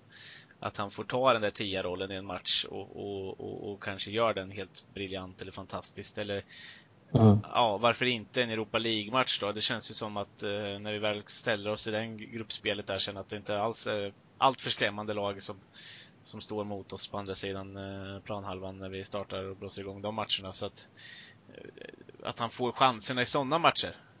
Eh, och att vi får se några av de här unga då, Tahit Chong och de där också. Att de får chanserna i de här och gör de det väldigt bra så vill jag se dem även i ligan sen. Ja, men Gomes känns ju som en... Det är min bild i alla fall att Ole, jag vet inte vad han ser på träning och så vidare, men han kanske inte riktigt litar på honom mm. i den här typen av matcher. Men jag känner ju vad jag har sett. Liksom. Jag har sett Andreas Pereira länge, jag har sett Gomes länge. Och jag vill ju ändå någonstans lita på mina fotbollskunskaper och inte bara gå efter, ja men Ole säger så, Ole verkar tycka så. Jag känner ju att liksom, Gomes bidrar mer, kan bidra mer än vad Pereira gör. Mm. Och jag skulle vilja se att Gomes får chansen. För att han är, han är absolut redo för det. För att han har den fotbollsintelligensen. Han, han kan hålla i bollen hela dagen. Liksom. Det är ingen slump att Barcelona ville ha honom i flera år. För att han, han är den typen av spelare som kommer in på mittfältet, han håller i bollen. Han kan, han, han kan spela, han kan vara kreativ även fast han liksom sätter passningarna. Han satte, liksom, när han gjorde sin debut, när han var liksom 16 år i Premier League, så kom han ju in och slog fler korrekta passningar på offensiva tredjedelen än vad Rooney gjorde på 88 minuter och då spelade Gomes 6-7 minuter. Så att, och samma mot, om det var Tottenham eller Leeds, så satte han 10 av 10 passningar på offensiva tredjedelen och då lyckades han ändå vara kreativ. Så att han, har, han slår inga, han kommer inte komma in och liksom bara tjunga bort 10 bollar i rad. Det kommer inte hända. Han kommer liksom inte bli av med bollen heller. Han är ju bolltrygg och han kommer, även fast många vill kritisera hans storlek så liksom, han är så pass spelintelligent. Han får bollen som släpper den. Men är inte och, det storlekssnacket lite överlegat eller? Alltså har inte flera spelare visat att det inte är ett måste? Jag tänker nu, nu refererar man mycket till City just nu men Alltså mm. Bernardo Silva, David Silva, alltså i sina dagar och allting sådär. Det, det är små mm. spelare, tunna spelare definitivt. Framförallt David Silva har väl knappt någonsin sett ut som han har muskel på kroppen. Ja, eh, och jag tänker bara vi har Juan Mata United till exempel. Mm. Han är ju en av de, han är, han är de få gånger han hamnar i en duell, då ser man liksom hur ruggigt svag han är. Mm. Men det är inte ofta han hamnar liksom i den typen av situationer. Men jag tänker att Gomes också, han är mycket, mycket kvickare än vad, än vad Mata är. Så att han, han kan ju liksom göra sin gubbe på mittfältet och sen blir han nedtacklad. Men han kommer, ja, klart han kommer bli av med bollen någon gång men men hans storlek är liksom inte ett jättestort problem. Vi ser ju när han spelar, han spelar mot Leeds, han spelar mot Tottenham, det var inga problem då. Han spelar mot, mot Rotherham, nu som är ändå ett, de spelade Championship förra säsongen, ett League One-lag nu. Det är, skulle jag säga, ett ganska stort fysiskt text. Men vi ser aldrig någonting. Det är liksom bara de som drar upp det här storlekssnacket, det är de som inte ser matcherna. Mm. Ja, men han är liten. Ja, men vad spelar det ifrån? Lionel Messi är också liten. Och hela Barcelonas lag som var så framgångsrikt då var ju byggt liksom på snabba tekniska spelare. Det var ingen som var, ingen på, i deras offensiv som var över 1,70 liksom. Nej. Så det, nej, det, visst, det finns väl någonting. Klart han kan bli lite starkare. Klart han kan bli lite... Klart man skulle önska att han var 5-6 centimeter längre eller 10 till och med. Men nu är det inte så. Det, men jag tror inte det kommer vara ett jättestort hinder för honom. Men, Nej, men de som kritiserar honom, de, har ju, de tror väl att han är någon slags balansspelare på mitten. Något. Det är som att de vill att han ska vara starkare. Men ja, det var ju massa exempel i Premier League, även sämre spelare än David Silva liksom som Lanzini. Mm. Han, har samma, han har samma driv som honom och bra kontroll på bollen.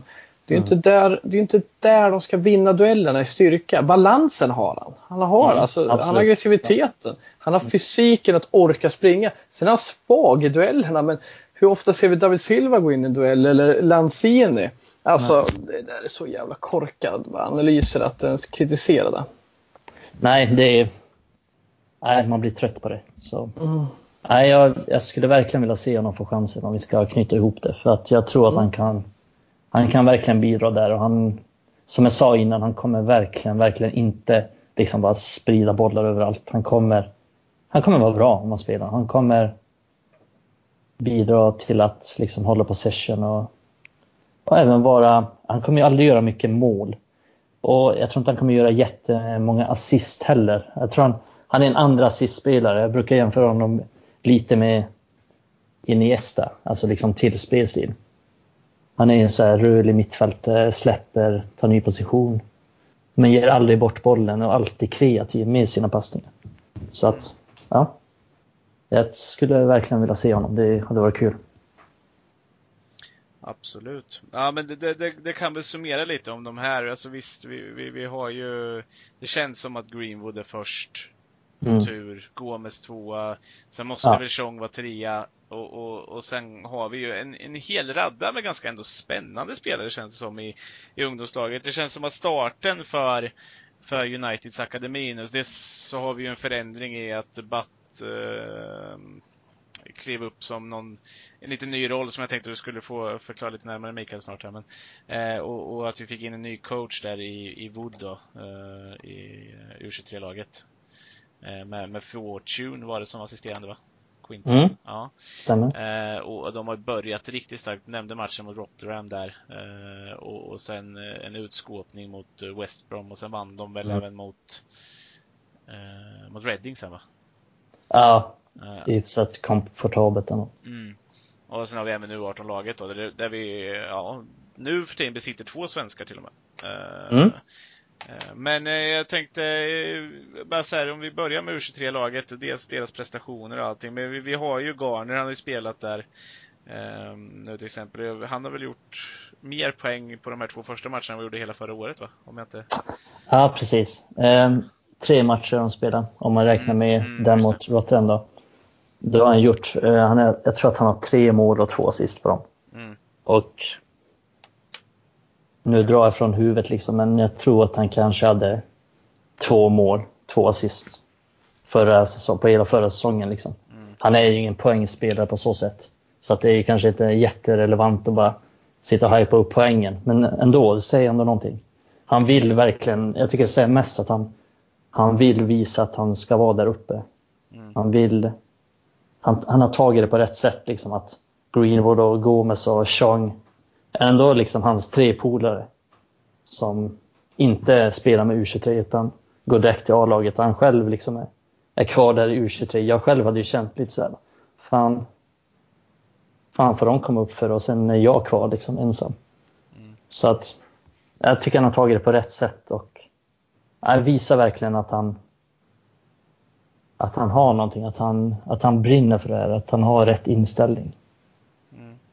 Jag själv har inte sett varenda match, men jag såg eh, matchen mot West Brom eh, och han, ja, ena målet han gör där, det går ju inte av för hacken han eh, vänder upp Nej. och på ett tillslag klipper upp den otagbart. Den är till och med snyggare än Ruben Neves mål igår mot mot United. och, och, det är också snyggt. Så att, eh, men det finns ju en hel del andra spelare. Vi sa att vi eh, nämnde förut här i podden att eh, att Luke Shaw ändå har några konkurrenter som kommer, kanske inte till det här året eh, eller så, men eh, jag vet att några eh, i, lite inom våran diskussioner här på Red Army Sverige-gruppen att vi har nämnt honom. Brandon Williams, kaptenen. Mm. Uh, ser ändå spännande ut. Jag vet att han gjorde väl tre assist eller någonting på den där matchen. Uh, mm. Ja, det är, det är bra facit som vänsterback att göra ja, tre assist i en match. Det, det, måste man väl ändå säga. Och han, ganska, hur gammal är han? Är han 18 eller vad är han? Uh, han, är, han är 19 i år. Han är 19 i år. Och han ja. går från att vara kapten i U18-laget direkt upp till att vara kapten i U23-laget också. Säg, ja. Måste väl säga ganska mycket om den Lenars uh, ja, kapacitet och hans karaktär framförallt. Ja, jag tycker så jättemycket om hans karaktär för att han är ju han är den typen av spelare som, han spelar ju vänsterback men han är, han är högerfotad. Mm. Men det märks inte så här jättetydligt direkt. Utan han är bekväm, han är ingen Greenwood som liksom bara smäller in bollar från 30 meter med fel fot. Men han är, han är bra med vänstern. Och han, han, har liksom den, han har den inställningen, jag tror att utan att ha liksom stats på det så springer han mest varenda match jag sett någonsin. Mm. Han är upp och ner, han är upp och ner hela tiden. Han är första i offensivt straffområde, sen liksom några sekunder senare så är han ändå längst ner och glidtacklar bort en boll. Så att han, han är en sån som alltid fyller på och han är tekniskt skicklig, rivig och han gör mycket poäng. Han gör, han gör många mål. Han gjorde förra säsongen så tror jag han blev tvåa, trea liksom i interna skytteligan U18. Det är väl fem, sex mål tror jag.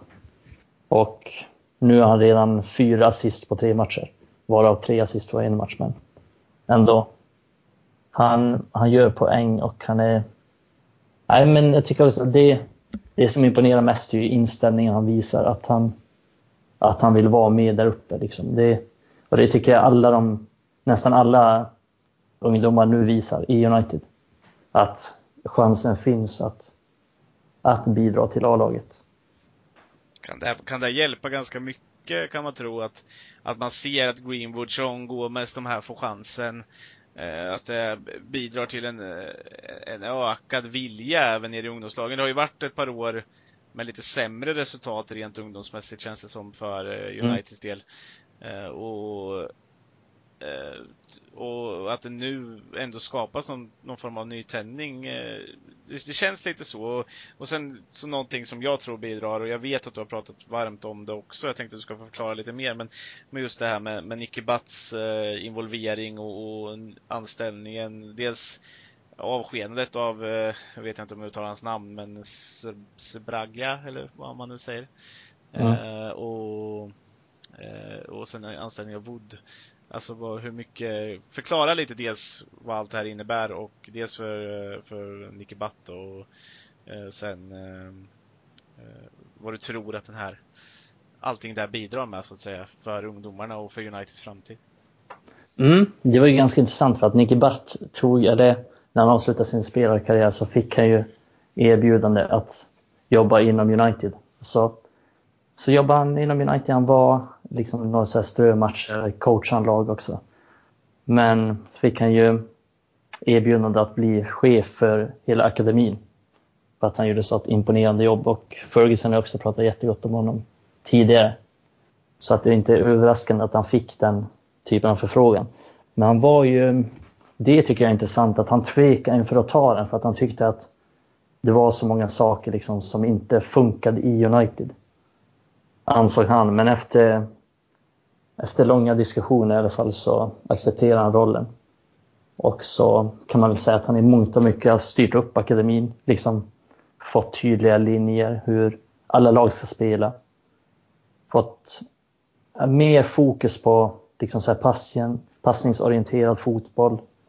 Spela sig ur allting, fostra bra fotbollsspelare helt enkelt. Så att alla liksom mittbackar och sånt som kommer upp nu är ju jätte, jätte, jätte bolltrygga. Och, mm, så att han har ju styrt upp det i mångt och mycket och nu har jag en ny roll faktiskt. Nu är jag inte chef för akademin längre. Utan nu har jag någon lite halvt oklar roll måste jag säga. Jag vet inte riktigt vad det innebär men han ska vara någon slags länk mellan ungdomslagen och A-laget. Och det låter ju bra för att han har ju liksom koll på alla de här unga spelarna och har nära kontakt med Ole nu. Han var ju till exempel tillsammans med Ole och kollade på, på U23 och U18 matcherna så att de har ju liksom Mourinho var ju nästan aldrig där och kollade. Så att, och till exempel van Schaal hade ju aldrig ens sett liksom, vissa spelare som han tog upp ibland i A-laget. Han var ju lite mer crazy så här. Han bara, ja men fan vi tar honom, det blir säkert bra. men Ole har ju verkligen koll här tillsammans med Batt på spelarna. Så att det är ju... Ole snackade faktiskt upp en annan ytterback som också kan spela vänsterback men som spelar högerback nu. Ethan Laird som är, som är bara 17 år. Eller om han har fyllt 18 nu. Eh, han är född 2001 eh, i alla fall. Men så att Ola har snackat upp honom redan förra säsongen också, men då var han skadad. Mm. Och han var skadad inledningen av den här säsongen, så han kanske hade varit med på turnén om han var skadefri. Så att, men han har också börjat den här säsongen superbra. Jättebra ytterback. Stark, snabb, teknisk. Lite Fambisaka kan jag tycka, fast lite bättre offensivt. Sen har han såklart, det är inte så att han är Fambisaka liksom defensivt, men på den nivån, U18, U23, då är han jättestabil defensivt. Men sen kommer det ju ändras såklart. Mm. Jag man, såg, såg lite av honom i West Brom-matchen där och, mm. och, och varit väldigt imponerad av hans förmåga att ta sig fram hela tiden på högerkanten. Mm. Som han spelade då. Det såg eh, otroligt eh, roligt ut. Alltså, det är spännande ut, får man väl säga. Ja, alltså, han är så här kolossal liksom, hur han kommer fram. Han är mm. jättekraftfull. Han ser ut lite som en, en ung Michael Richards, skulle jag säga, ja. i kroppsform ja, och allting sånt där. Fast eh, rörligare och, och inte alls lika betongfotig som eh, Richards var kanske. Nej, han har ju lite spelsinne till skillnad från Michael Richards som bara liksom kom in och köttade igen. Men sen kan ju Ethan Laird spela vänsterback också, så att han har spelat mycket vänsterback. Men mm. Så att jag tycker att han också, ofta när man ser så här liksom högerfotade vänsterbackar så tycker jag han ser onaturlig ut. Men varken Brandon Williams eller Ethan Laird ser onaturliga ut på, på den positionen. Så att det är ju bra. Absolut. Jag vet att Adam hade någon, eh, någon fråga till dig angående det här. Eller om du har något att tillägga först kanske? Till Nej, vi snackade ju lite ungdomar förut. Jag tänkte på han hur blir det med han Ethan Hamilton? Är det någon som någonsin kommer bli något i den här klubben? Jag såg att han blev utlånad nu. Eh, kort sagt, nej. Nej. Vi avslutar det. Nej, men han är, Ethan Hamilton är en, ja, en duktig spelare, liksom så här rivig, funktionell teknik, men det krävs så jävla mycket att liksom komma upp i United och han har inte riktigt det i sig. Men det kommer bli en bra spelare. Det är ingen tvekan om. Han kommer förmodligen spela i Premier League om, om några år. Men, okay. uh. men jag tror inte att... Ah, han känns inte riktigt nära Uniteds första lag. Det ska mycket till. Mm. Jag blev extremt imponerad av en annan spelare där. Nu vet jag inte exakt vad han heter, men Ramazani eller någonting mm. sånt. Högerytter, forward typ, aktig, ytter, ytteraktig i alla fall. Ja. Jag, jag, tycker att jag sett de, de matcherna jag sett nu känns som att han mm. har distinkt avslut och en vilja att vilja ta sig in till avslut hela tiden också. Mm, men han är, han är också han är en sån här klassisk yttertyp om man säger så. Bra på att utmana, kommer till avslut, småfinurlig. Det, det är absolut en bra spelare. Det, är det, det, det är jättemånga. man kan se eller, alltså, det känns ju som att, ja men Chong ligger ju längre fram, men, ja. men eh, för att vara den typen av spelare. Men eh, känns det som någonting som skulle kunna komma upp eller ligger han också för långt bak rent eh, utvecklingsmässigt? Jag vet inte hur gammal han är heller. Nej, jag, jag känner lite så här, ja, det ska så mycket till för att det ska komma upp så många, speciellt i samma generation. Och Ramsani är han är bra, men jag kan liksom inte se att det kommer upp så många som tar det steget. Det. Men det är jättebra, jättebra årgång. Vi har ju till exempel Dylan Levitt på innermittfältet som är 18 år liksom och är ett i princip ständigt inslag i Wales landslagstrupp. Så att, och han spelar ju bredvid James Garner. Mm. Bra med bollen, bollskicklig, jättebra passningsspelare. Lite som James Garner fast inte riktigt den som sitter lågt utan mer kanske tvåvägs, lite mer framåt kanske. Mm. Men också där en jättebra mittfältare och det finns, ja, det finns jättemånga bra spelare i, i, liksom, i akademin nu som kommer upp och Ramazani är en av dem. Som är ja, men, jättebra spelare. Ramazani har ju också, han har börjat den här säsongen hur bra som helst egentligen.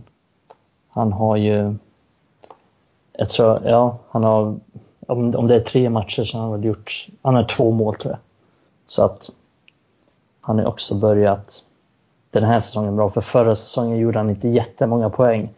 Då såg man liksom, ja men det är en jättebra spelare, jättebra ytter, utmanar, kommer förbi, men har inte riktigt den här slutprodukten. Men i år så verkar han ha lagt till sig den. Så att det är väl lite tidigt att säga någonting om honom än.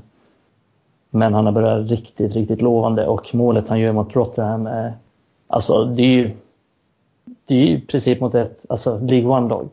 Mm. Han liksom, det är jätte, jättebra gjort. Superbra avslut.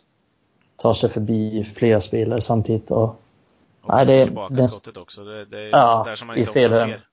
Nej, o, helt oväntat liksom bara. fan kom det därifrån?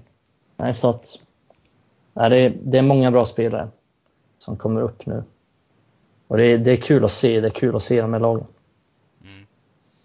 Ja, men det, det, det, det, är lite intressant att höra också, även för oss, uh, ja, mig och Adam som kanske inte är de mest uh, pålästa gällande våra ungdomar när vi har med oss dig så att du, du får eh, ge både oss och eh, våra lyssnare en, en, en, uppdatering om hur det ser ut i de här lagen. Men vi nämnde förut att vi har ju ett U18-lag också. Eh, mm. Som, eh, de har väl inte börjat exakt lika lysande som eh, U23-laget. De torskade väl här sist va? Mm. Men vi har två svenskar, dels ett nyförvärv som du har skrivit om vet jag från Brommapojkarna. En målvakt mm. där i Johan Guadagno eller någonting liknande. Mm.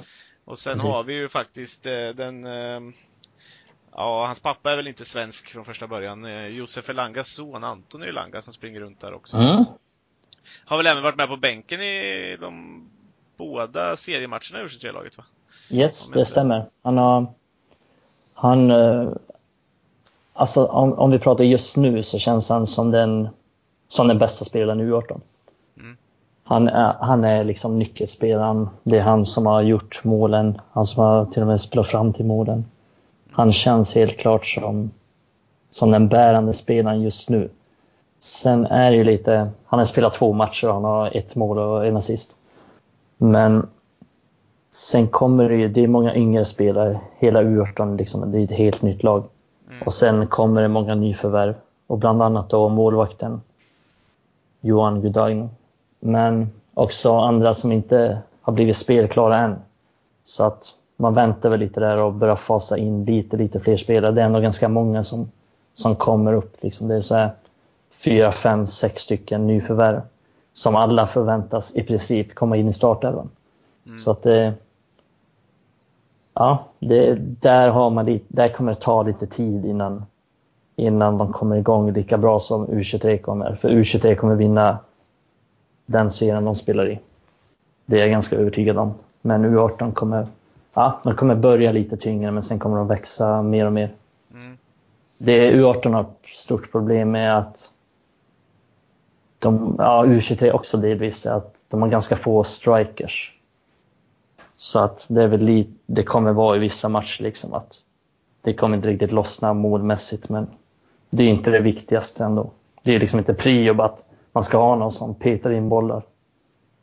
Det är liksom inte meningen med dessa lag så att men ja, det ser, det ser bra ut. Den här holländaren som kom in, eh, Dillon Hogwerf eller någonting sånt. Han var väl mm. forward eller? eller vad? Ja, precis. Han är en 16-årig kille från, som kommer från Ajax. Och det är en forward. Jag har inte sett jättemycket av honom nu för att han har, liksom, han har startat i en match och den matchen visades inte ens på, på TV. Så att och sen har han ett inhopp så att jag har sett lite av honom sen. Mm. Lite på Youtube också men det ska ju vara av de som har sett honom mycket. Så ska det vara en, alltså en jätte, jättestor talang. Det är liksom Ajax forward 16-åring. Ni hör ju hur det låter. Mm. uh, har du något att tillägga runt det här Adam? Jag är också spänd på Elanga. Jag känner att eh, det är, vi har en fin tradition med svenska anfallare i, i denna vackra klubb. Och jag hoppas att han kan gå hela vägen. Det vore kul för, ur svenska glasögon på, och även eh, för United då. Om han kan lyckas. Sen är det ju tuff konkurrens överlag. Men jag hoppas det kan gå bra för honom. Och mm. det var kul att du nämnde Dylan Levitt. Jag snackade mm. om Ethan Hamilton. Tyckte han var rätt skön för några år sedan. Men Dylan Levitt han blir skit, han blir jättespännande alltså. Jättespännande. Mm. Vad han kan bli framöver. Och, mm. ja, vi har skönt, eh, vi har skön eh, påfyllnad där av spelare. Ska vi kunna erhålla några av våra traditioner så är det ju ändå, även fast de här Levitt eller Garner kanske inte blir våra bästa spelare så kanske de blir utfyllnadsspelare. Mm. Eh, liksom som Fletcher till exempel. En jävligt mm. viktig pjäs men som nödvändigtvis inte är vår posterboy. Men det är mm. spännande, det är skitkul att höra sånt. Ja, och det är ganska intressant också att typ Dylan Levitt är ingen, det är ingen kille som det snackas jättemycket om i, i Uniteds ungdomskretsar. Liksom, han är ju högt aktad men det är ingen som snackar om honom. Då snackar man ändå om typ Ethan Laird, James Garner och så vidare. Och då är han ändå 18 år och är liksom i Wales landslagstrupp. Och samma mm. egentligen med Lee O'Connor som är mittback slash ytterback. Han är också liksom med och knackar på dörren till Irlands landslagstrupp. Han är också mm. född eh, 2000. Liksom. Så att mm. det, ja, det är många bra spelare där och Martin O'Neill när han var manager för, för Irland så var han ju superimponerad av honom. Och han vet ju hur en försvarare ska vara. Mm. Ja. Och det känns väl som att vi har ganska, om inte annat, det känns som att man alltid förr i tiden känns som att man såg något gammalt United ungdomsnamn lite överallt i, i ligorna och, och visst, det dyker väl upp sådana namn fortfarande men eh, i alla fall i Premier League och Championship så, men eh, det känns som att det finns ännu fler sådana namn som kommer dyka upp mer och mer eh, de kommande åren. Mm. United producerar flest spelare av alla. Mm. Liksom till, till Premier League. Så det, har, det har sett ut så för 15 år sedan. Det har sett ut så för 5 år sedan och det kommer se ut så i framtiden med. Mm. Jag mm. satt eh, uttråkad för några månader sedan och drog ihop elver. Jag tror jag fick ihop en Premier League-elva med spelare som inte spelar United idag. Spelar andra Premier League-lag. Fick ihop en mm. elva. Mm. Fick ihop en elva i Championship med, med sådana gamla spelare som han. Uh, ja, ni vet, vad fan hette han? Ja, men, olika spelare som Josh Harrop till exempel. Spelar mm. Uh, jag kommer inte på vad han hette. Vad fan hette han mittfältaren med ett långt hår? Lite så här Beatles-frilla. Ben Pearson. Ben Pearson. Precis, ja men sådana lir. Och så tror jag fan jag fick ihop lite i League One med. Och det är så ja. det ser ut. Och ja. uh, vi, vi, ökar ju den kapaciteten på hela ligasystemet genom vår akademi. Ja. Mm. Och snackar man just i Championship så har vi Tom Lawrence i Derby liksom, ja. som har inlett Championship briljant i ett av de bästa lagen. Liksom, så att mm. Han är ju förmodligen Premier League snart och Ben Pearson har haft ögonen på sig från Premier mm. League-lag länge. Så att de kommer ju liksom, även fast de börjar i League One Championship så avancerar de ju upp hela tiden. Ja. Att det är liksom så, så pass bra skolade spelare.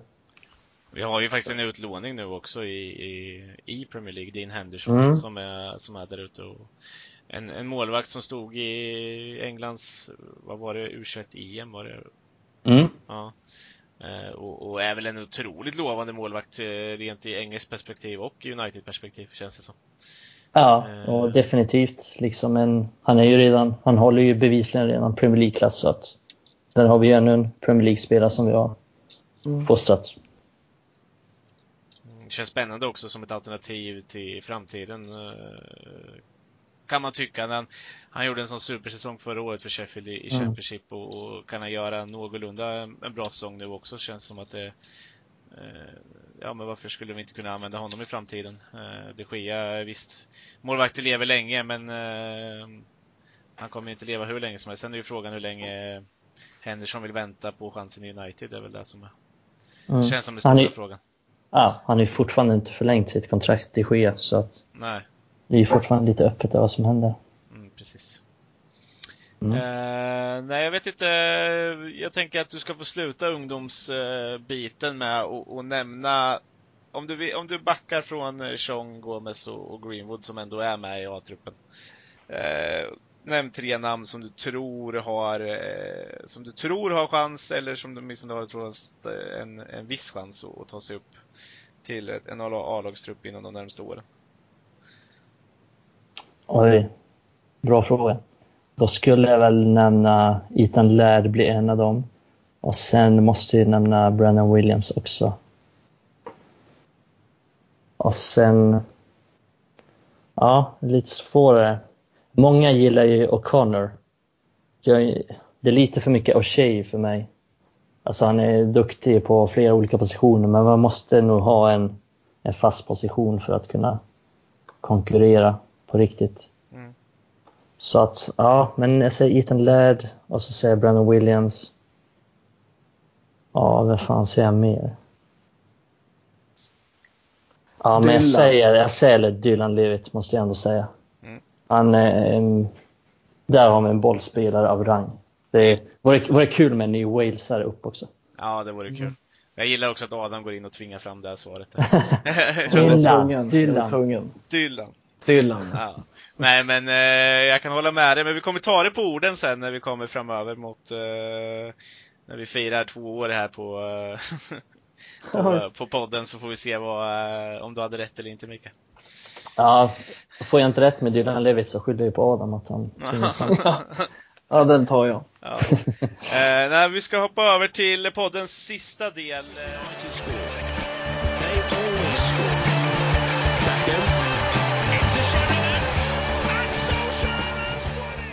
Då går vi in på sista delen där då angående, eller för Red Army Sverige-poddens första avsnitt. Och eh, målsättningarna för den här säsongen eh, har ju känts lite eh, blandade för min del i alla fall. Eh, jag gick ifrån att vi skulle vara glada för om vi hamnade på en 56 plats eh, till att faktiskt känna någon form av förhoppning och det där går ju fram och tillbaka hela tiden. Eh, men efter den här starten så, så, så skulle jag väl kunna säga att Champions League-plats känns ändå rimlig på något sätt. Eller vad, vad tycker du Adam?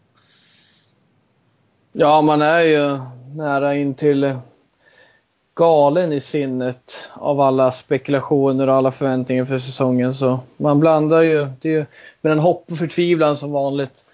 Man, eh, av naturen är man ju lite skeptisk, särskilt när man har växt upp med ett hög förväntan, hög standard. Men såklart så kommer de här glimtarna. Sen lägger man på lite, lite taggning inför säsongen och sen har man rätt höga förväntningar plötsligt. Ja, jag känner att vi, vi har möjlighet och eh, nå en Champions League-plats i år. Om det handlar om hur bra vi är, inte riktigt. Det handlar mer om att jag tycker Arsenal och Chelsea fortfarande är begränsade. Men vi har, vi har eh, förbättrat vissa delar. Vi har försämrat vissa delar genom att till exempel Herrera försvunnit. Men vi har stärkt upp försvaret. Jag tror kort sagt vi kan klara det. Eh, och Oavsett hur det blir, jag önskar att vi går till Champions League. Men Ja, av den enkla åsikten att vi börjar vår nya resa här och nu. Och det börjar med att vi värver in nya karaktärer och bygger från grunden. Så jag har inte... Jag, jag hoppas och tror vi kan gå till Champions League, men på lång sikt är inte det hela världen. Även fast det hämmar vår utveckling på till exempel transfermarknaden om vi inte når Champions League. Mm, det känns ju som ett rimligt antagande att det skulle hämma våran eh, utveckling på transfermarknaden och det, det känns ju lite, jag vet att det har varit på tal om, och jag vet att vi i, internt i gruppen har varit mycket här om, om Jadon Sancho, att han skulle kunna komma till nästa år. Eh, och, och, det känns ju lite i så fall, om det nu ens finns eh, någon gnutta sanning i det, att det skulle bero på om vi hamnar i Champions League eller inte. Eh, det känns inte som en spelare som är sugen på att inte spela Champions League, eh, om, om jag tänker rätt. Eh, och, och som målsättning för mig, det är lite som du säger, man, man har, man har någon rimlighetstanke först. Man har börjat, tråkigt nog som United-anhängare, blivit van vid att eh, sitta och, och eh, ja, hoppas på en tredje, fjärde plats lite och sådär. Vi hade en uppstickarår med Mourinho, vi kom tvåa även fast vi aldrig var nära titeln det året. Eh, men att eh, i år, ja, Chelsea väldigt stora brister, Arsenal enormt stora brister framförallt bakåt. Eh, och ja, varför skulle vi inte kunna ta den där fjärdeplatsen och även kanske utmana Tottenham om det är tredjeplatsen? Även om jag tror att Liverpool och City blir för starka framåt där. Eh, och Mikael, något eh, tillägga där? Mm, jag tycker att Chelsea inte imponerar särskilt mycket. De känns som ett ganska ofärdigt lag på så sätt att de är Lampard satsar ganska mycket ungt och de är ganska naiva. Jag tror de kommer tappa mycket poäng. De är ju rätt dåliga i båda straffområdena. Jag kan inte riktigt se ens att de har en spelare som gör över 10 ligamål. Så att jag tror att de kommer få det ganska tungt, även fast de är ett bra lag. De har bra mittfält och Arsenal, bra anfallare, men inte jättestabila bakåt fortfarande. Jag såg matchen mot Burnley, eller stora delar av den. De släpper till väldigt, väldigt mycket. Speciellt, de har ju jättesvårt, alltså till och med hemma mot Burnley har de jättesvårt på när Burnley bara tjongar in bollarna. Det blir livsfarligt varje gång. Och David Luiz gör ju ingen glad där heller. Fortfarande. Han är ny Londonklubb, nya misstag. Upphävd offsiden på, på Burnleys mål. Men de är liksom en backlinje som är i behov av stadga och en ledare. Sen tar de in liksom David Luiz som är precis tvärtom. Han kan ja. ge en X-factor i vissa lägen, både offensivt och i vissa matcher defensivt med att vara en riktig jävla gris som man älskar att ha i sitt lag. Men ofta en jävligt medioker försvarare som ställer till det för laget. Alltså han ja. gör ju inte Sokratis och uh, Mustafi till tryggare spelare. Det gör Nej. han Nej, och han är ju liksom... Det är en panikvärvning utan dess like. Mm. Däremot tycker jag att det var rätt dumt av Chelsea att förstärka Arsenal på så sätt, för det ger ju ändå Arsenal någonting. Det ger ju en Arsenal en startspelare, så det fattar jag inte riktigt hur de tänkte. Även fast Lampard inte ska satsa på honom så, så är det bara dumt. Ja. Och de fick ju ingenting för honom egentligen heller. Det var typ så 8 miljoner pund eller någonting. Okej. Okay. Ja, det var väl den billigaste värvningen på på marknaden kan man nästan hitta. Ja, och, men, men, jag, ja. jag ja, tror men, ändå att United har en hyfsad chans att nå topp 4. Mm. Så att, men som Adam säger, det är, jag tycker det är prio, jag håller helt med, jag tycker det är prio att liksom bara bygga upp från grunden. Ja, blir vi fem eller sexa, fine. Så är det. Vi kommer inte vinna någon liga och vi har missat Champions League nu många gånger de senaste åren. Så att ja, det, det får bli så. Liksom. Bara, bara vi är på rätt väg så kan jag acceptera det. Mm. Man vill ju se en utveckling rent spelmässigt och lite den, mm. ja men där det ändå har börjat nu med Ole, det känns som att det finns uh, uh, jag tyckte väl kanske Jonas Olsson nämnde det bra mot Wolves där, att det känns som att United börjar hitta en egen identitet i spelet också. Man ska ja. inte bara ha det som klubb utan även ute på plan måste det ju börja komma någonting. Och, och, och det, det, det, kändes ändå så, i alla fall under första halvlek mot Wolves. Eh, sen finns det mycket att arbeta vidare på, men jag, är, jag håller med er. Även om jag tror att vi har goda chanser så, så skulle jag vara nöjd med en, en sjätteplats och att, eh, att vi ändå har hittat någon form av, av egen identitet och att man då kan bygga vidare därifrån och hitta spelare som passar in i den, i den eh, i det spelet, eller vad man säger, den identiteten utav, eh, utav spel. Mm, det tycker jag är det viktiga, liksom, att man ser någon typ av utveckling. Att det går framåt på något sätt. Sen kanske resultatmässigt inte går vägen som man vill, men så länge man ser att det går framåt, då, då köper det ändå. Mm. Absolut. Eh, vad, det, det är ju lite som vi har sagt, det är lite mer United Way, det är lite mer um, uh, ung, ung, ungdomligt. Uh, även att vi har kvar lite rutin då i, i Mata och de här spelarna. Och jag tycker att det är en bra förlängning, men vi har väl gjort en del uh, korkade förlängningar sista, sista året skulle jag väl kunna säga. Mm. Ja, det går inte att sticka under stolen med. Nej alltså förlängningar som Phil Jones, Ashley Young. Ja, Ashley kan väl i och för sig godta på något sätt, men Andreas Pereira. Det, det, det känns... Men det osar ju inte nybyggaranda liksom. Nej, precis. Det är snarare tvärtom. Det osar liksom, nu går vi för nu går vi för Europa League. Mm. Och, och, det är där man är lite rädd för. Jag vill ha, jag kan köpa Jange reserv liksom. Men på lång sikt, nej. Och jag, jag, tycker att alla de här förlängningarna och allting, det känns mycket som Ja, men det är lite polare, det är lite man litar på dem. Det är väldigt lite ambition. Även fast jag kan tycka också att Smalling är en OK reserv. Så nej, det känns inte jättebra. Och det tror jag alla är överens om. Även fast man på kort sikt förstår att de kan behövas som reserver. Uh, nej, det känns inte superbra. Nej, inte alls faktiskt. Jag vet inte riktigt vad man ska ta, ta det. Men man gjorde ju de här förlängningarna i ett konstigt skede kan jag tycka också. Det var väl ungefärligt där när Solskjaer kom in. Eh, lite senare, några månader senare, så gjorde man flera av de här förlängningarna med Jones och, och Småling och de här. Mm. Eh, kändes märkligt på något sätt. Eh, ja, det känns väl typ som att ja, men det blåste positiva vindar liksom. Ole kommer in, styr upp allting. Nu jävlar kör vi den här truppen kommer att vinna allt. Mm. Bara, hur förlänger vi med allt? Det var mm. liksom lite den känslan. Ja. Och sen är det väl som med allt i, i, vad ska man säga, i världen. Det är ju, om ni tänker er ur företagssynpunkt, om det blåser mycket runt ett företag som gjorde United med en ny tränare. Det var positiva vindar ett tag. Liksom. Det är lätt att komma in där och börja förhandla. Om man ser representanter till de här lirarna. Att de kliver in där till Ole Gunnar eller ja, ah, fan det är väl dags att skriva på nu. Du vill väl att vi spelar oss? Ja, jag vill ha med er i planen. Ja, men då skriver vi på nu liksom. De kommer ju inte. De kom ju i det läget när det var ju väldigt glada tider och man grymtar ju. Man hade ju sprutat eld om det hade hänt i samma veva som man fick reda på att Herrera inte tänker förlänga. Det hände ju innan. Och när man liksom börjar se problemet på riktigt, för vi var ju lite förblindad av en väldigt trevlig form, formstreak vi hade där.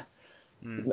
Men det här börjar uppdagas och frustrationen kommer ju efterhand när man inser att vi har förlängt med de här. Vi blir av med Herrera och det ser ut att gå åt helvete. Vi missar Champions League. Var är ambitionerna? Men jag, jag, förstår ju hur det har gått till. Det, de har ju dragit nytta av det här. Och det, de har gjort det i rätt tid. Och det är samma om du har ett företag där en massa folk börjar dra. Ja, men då är det jävligt lätt att gå in och förhandla med chefen. Han vill inte bli av med ännu en lirare som kanske är en grundpelare i gänget.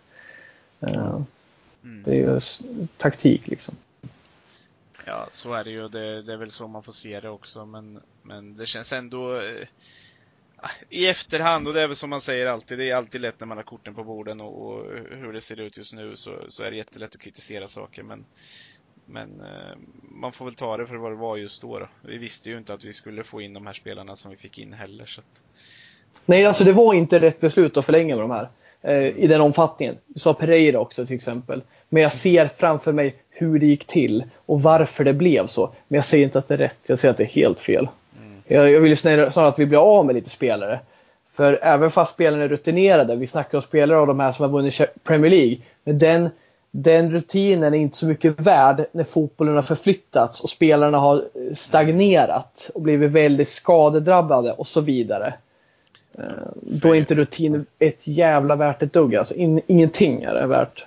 Men som Nej. tidigare där så, så, så, är det väl kvantiteten är ju inte problemet i United utan det är ju spetskvaliteten som är problemet. Mm. Vi har ju en stor kvantitet med tanke på hur många spelare vi lämnar utanför trupperna varje, varje match känns det som. Så att eh, det är någonstans man hade önskat och det är ju fortfarande finns det ju chans att en del spelare lämnar nu innan 2 september då, men vi har ju en del dörrkött som, som behöver röra på sig.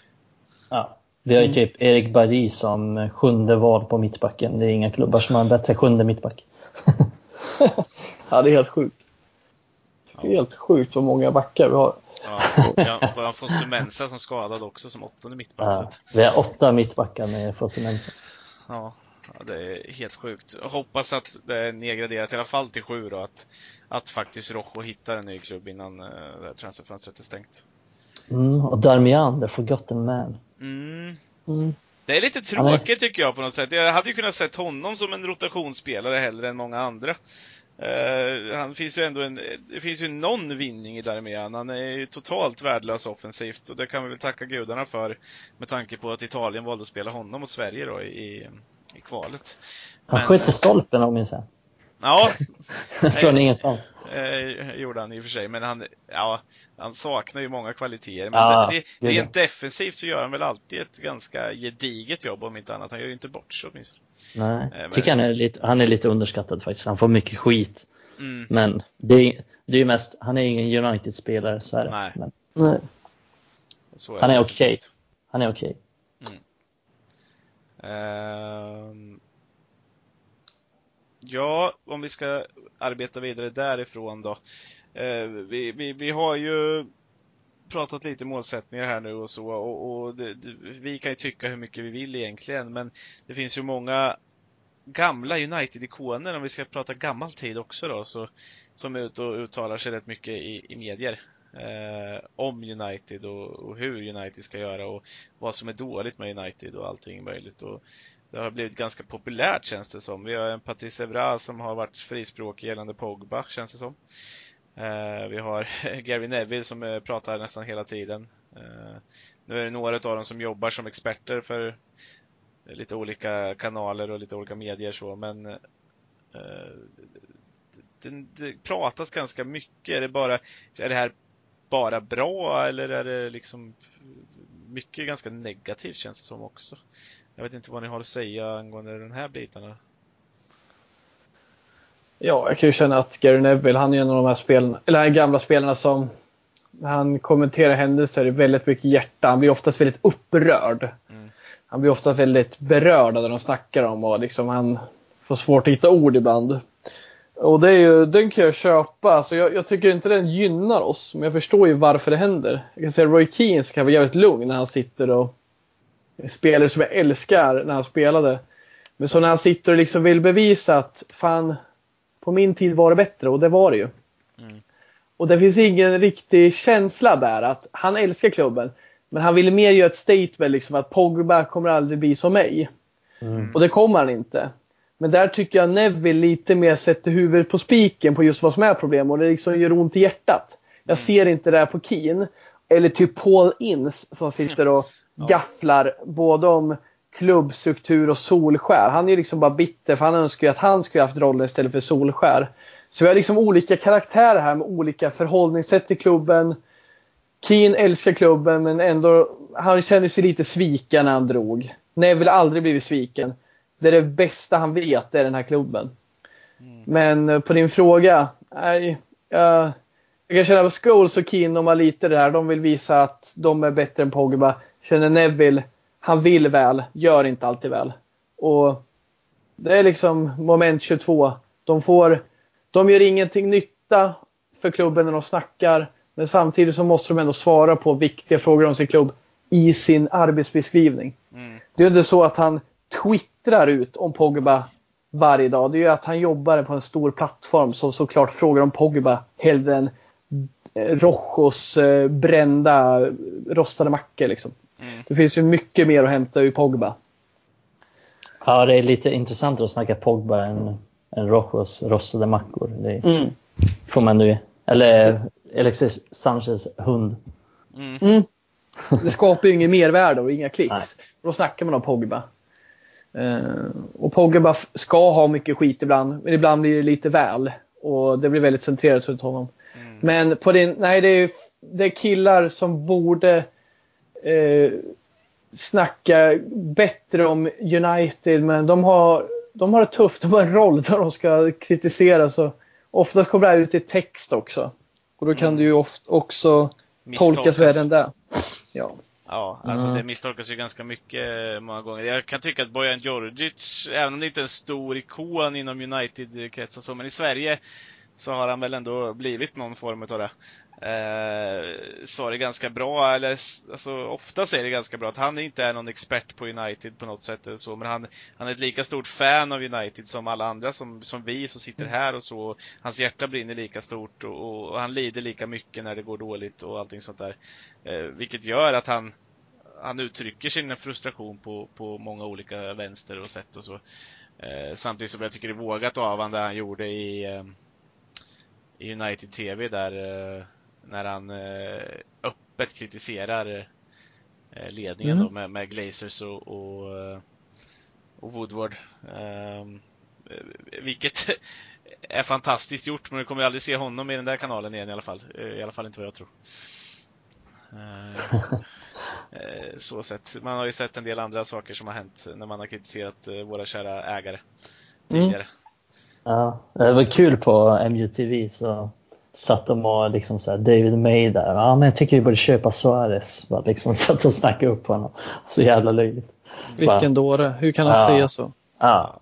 Efter liksom, okej, okay, vi köper en killen som vi köper liksom rasisten. Mm. Okay, mm, som öppet visar liksom rasistiska åsikter mot en av våra spelare. Mm.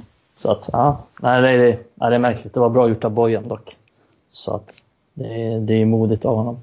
Nej, men jag håller med, jag håller med Adam helt här, här kring, kring de gamla spelarna. Att Gary säger mycket med passion och han vill väl. Sen blir det inte alltid rätt, men Keen och ja, Scholes också känns mm. väldigt bittra. Och sen tycker jag det slår lite fel också när de själv de är ju själv väldigt kritiska mot alla tränare som har varit. Kritisk mot Mourinho, kritisk mot van Gaal. Mm. Och vad fan har de själv gjort som tränare? Mm. Så det blir lite... Roy Keane är ju fan en av de sämsta tränarna som någonsin har vandrat i Premier League. Mm. Och Paul Ince, ja, det ska vi inte ens börja. Nej, Nej det ska vi inte göra. Så att, ja. och, och, som sagt, det är tufft för det är deras arbetsbeskrivning att kritisera och dela åsikter. Men jag tycker att de har en annan förhållningssätt till det än just Neville. Ja, precis. Keen förstår jag. Scholes är ju en stor idol för mig så jag blir lite besviken för han har ju liksom, han borde inte ha något konstigt till det men samtidigt han, ja men han är väl lite självgod liksom. Han gillar att höja upp sig själv samtidigt som han kritiserar någon annan. Och där tycker jag faktiskt att Neville är helt fantastiskt ödmjuk. Men jävligt ja. kritisk ibland för han älskar klubben. Och det är precis som Bojan, hade han fått frågan om Pogba varje helg och måste ställa, eller ställa sig till svars inför 100 miljoner i Storbritannien. Det är klart som fan han kritiserar Pogba om han är dålig då. Men nu får han frågor om andra saker. Och han eh, gillar med att han vågar sätta dit Grazers för Ja, alltså Bojan talar ju för, han säger ju vad han tycker och det gillar jag med honom. Mm. Ja, Eh, ja hörni, jag tänkte att vi skulle börja runda av det här eh, avsnittet. Och eh, egentligen sista jag tänkte ni skulle få säga en varsin grej till. Och eh, jag vill höra, eh, med tanke på att vi pratat om målsättningar, vi har pratat eh, gamla ikoner och sådär. Men hur, hur, hur slutar topp 4 i Premier League i år? Eh, efter att ha sett två matcher här nu så får ni dra den extrema gissningen. Kan börja med Adam. Jag tror att det slutar City vinner, Liverpool kommer tvåa, Tottenham trea och United fyra. Mm. Okej, okay, jag säger, jag sticker ut haken lite, jag säger City etta, Tottenham tvåa, Liverpool trea och United fyra. Mm. Jag, jag är inne på att sticka ut hakan också, men jag hade kunnat sticka ut hakan och, och eh, sagt exakt samma sak som dig där Mikael i så fall. Eh, jag är inte säker på Liverpool, även om jag tror att de kommer tvåa eh, någonstans. Så, mm. så, så jag, jag, skulle kunna ta och köpa båda eras, era upplägg där. Absolut. Eh, men eh, jag har egentligen ingenting mer att tillägga för dagens avsnitt och eh, jag vill tacka dig Adam. Tack! Och dig Mikael för, för att ni har deltagit. Tack så mycket själv. Så får vi önska alla lyssnare här nu en, en, eh, en god fortsättning på eh, den här serien så, så hörs vi igen om ungefär en eh, månad och eh, ser till att vi har ännu mer godheter och lite smått och gott att prata om helt enkelt. Eh, tack så mycket hörni!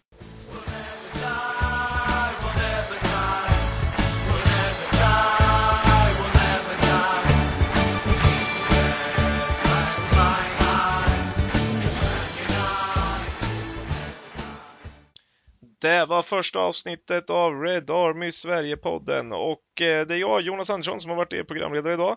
Eh, vi vill tacka er för att eh, ni följer oss. Vi vill även påminna er om att ni ska följa oss på Facebook, Instagram och Twitter och då framförallt på Facebook där ni får alla möjliga olika nyheter skrivna av oss på Red Army Sverige. Till följande program kommer vi även skicka ut på just Facebook litet meddelande om att ni kan skicka in frågor till oss som vi kommer försöka svara på. Och för att avsluta allt det här så vill vill vi bara meddela att alla rasistiska påhopp och sånt som har varit på Pogba nu efter den missade straffen mot Wolves där tar vi fullt eh, avstånd ifrån. Det är ingenting som vi på Red Army Sverige står för överhuvudtaget och inte något vi vill se i våra forum.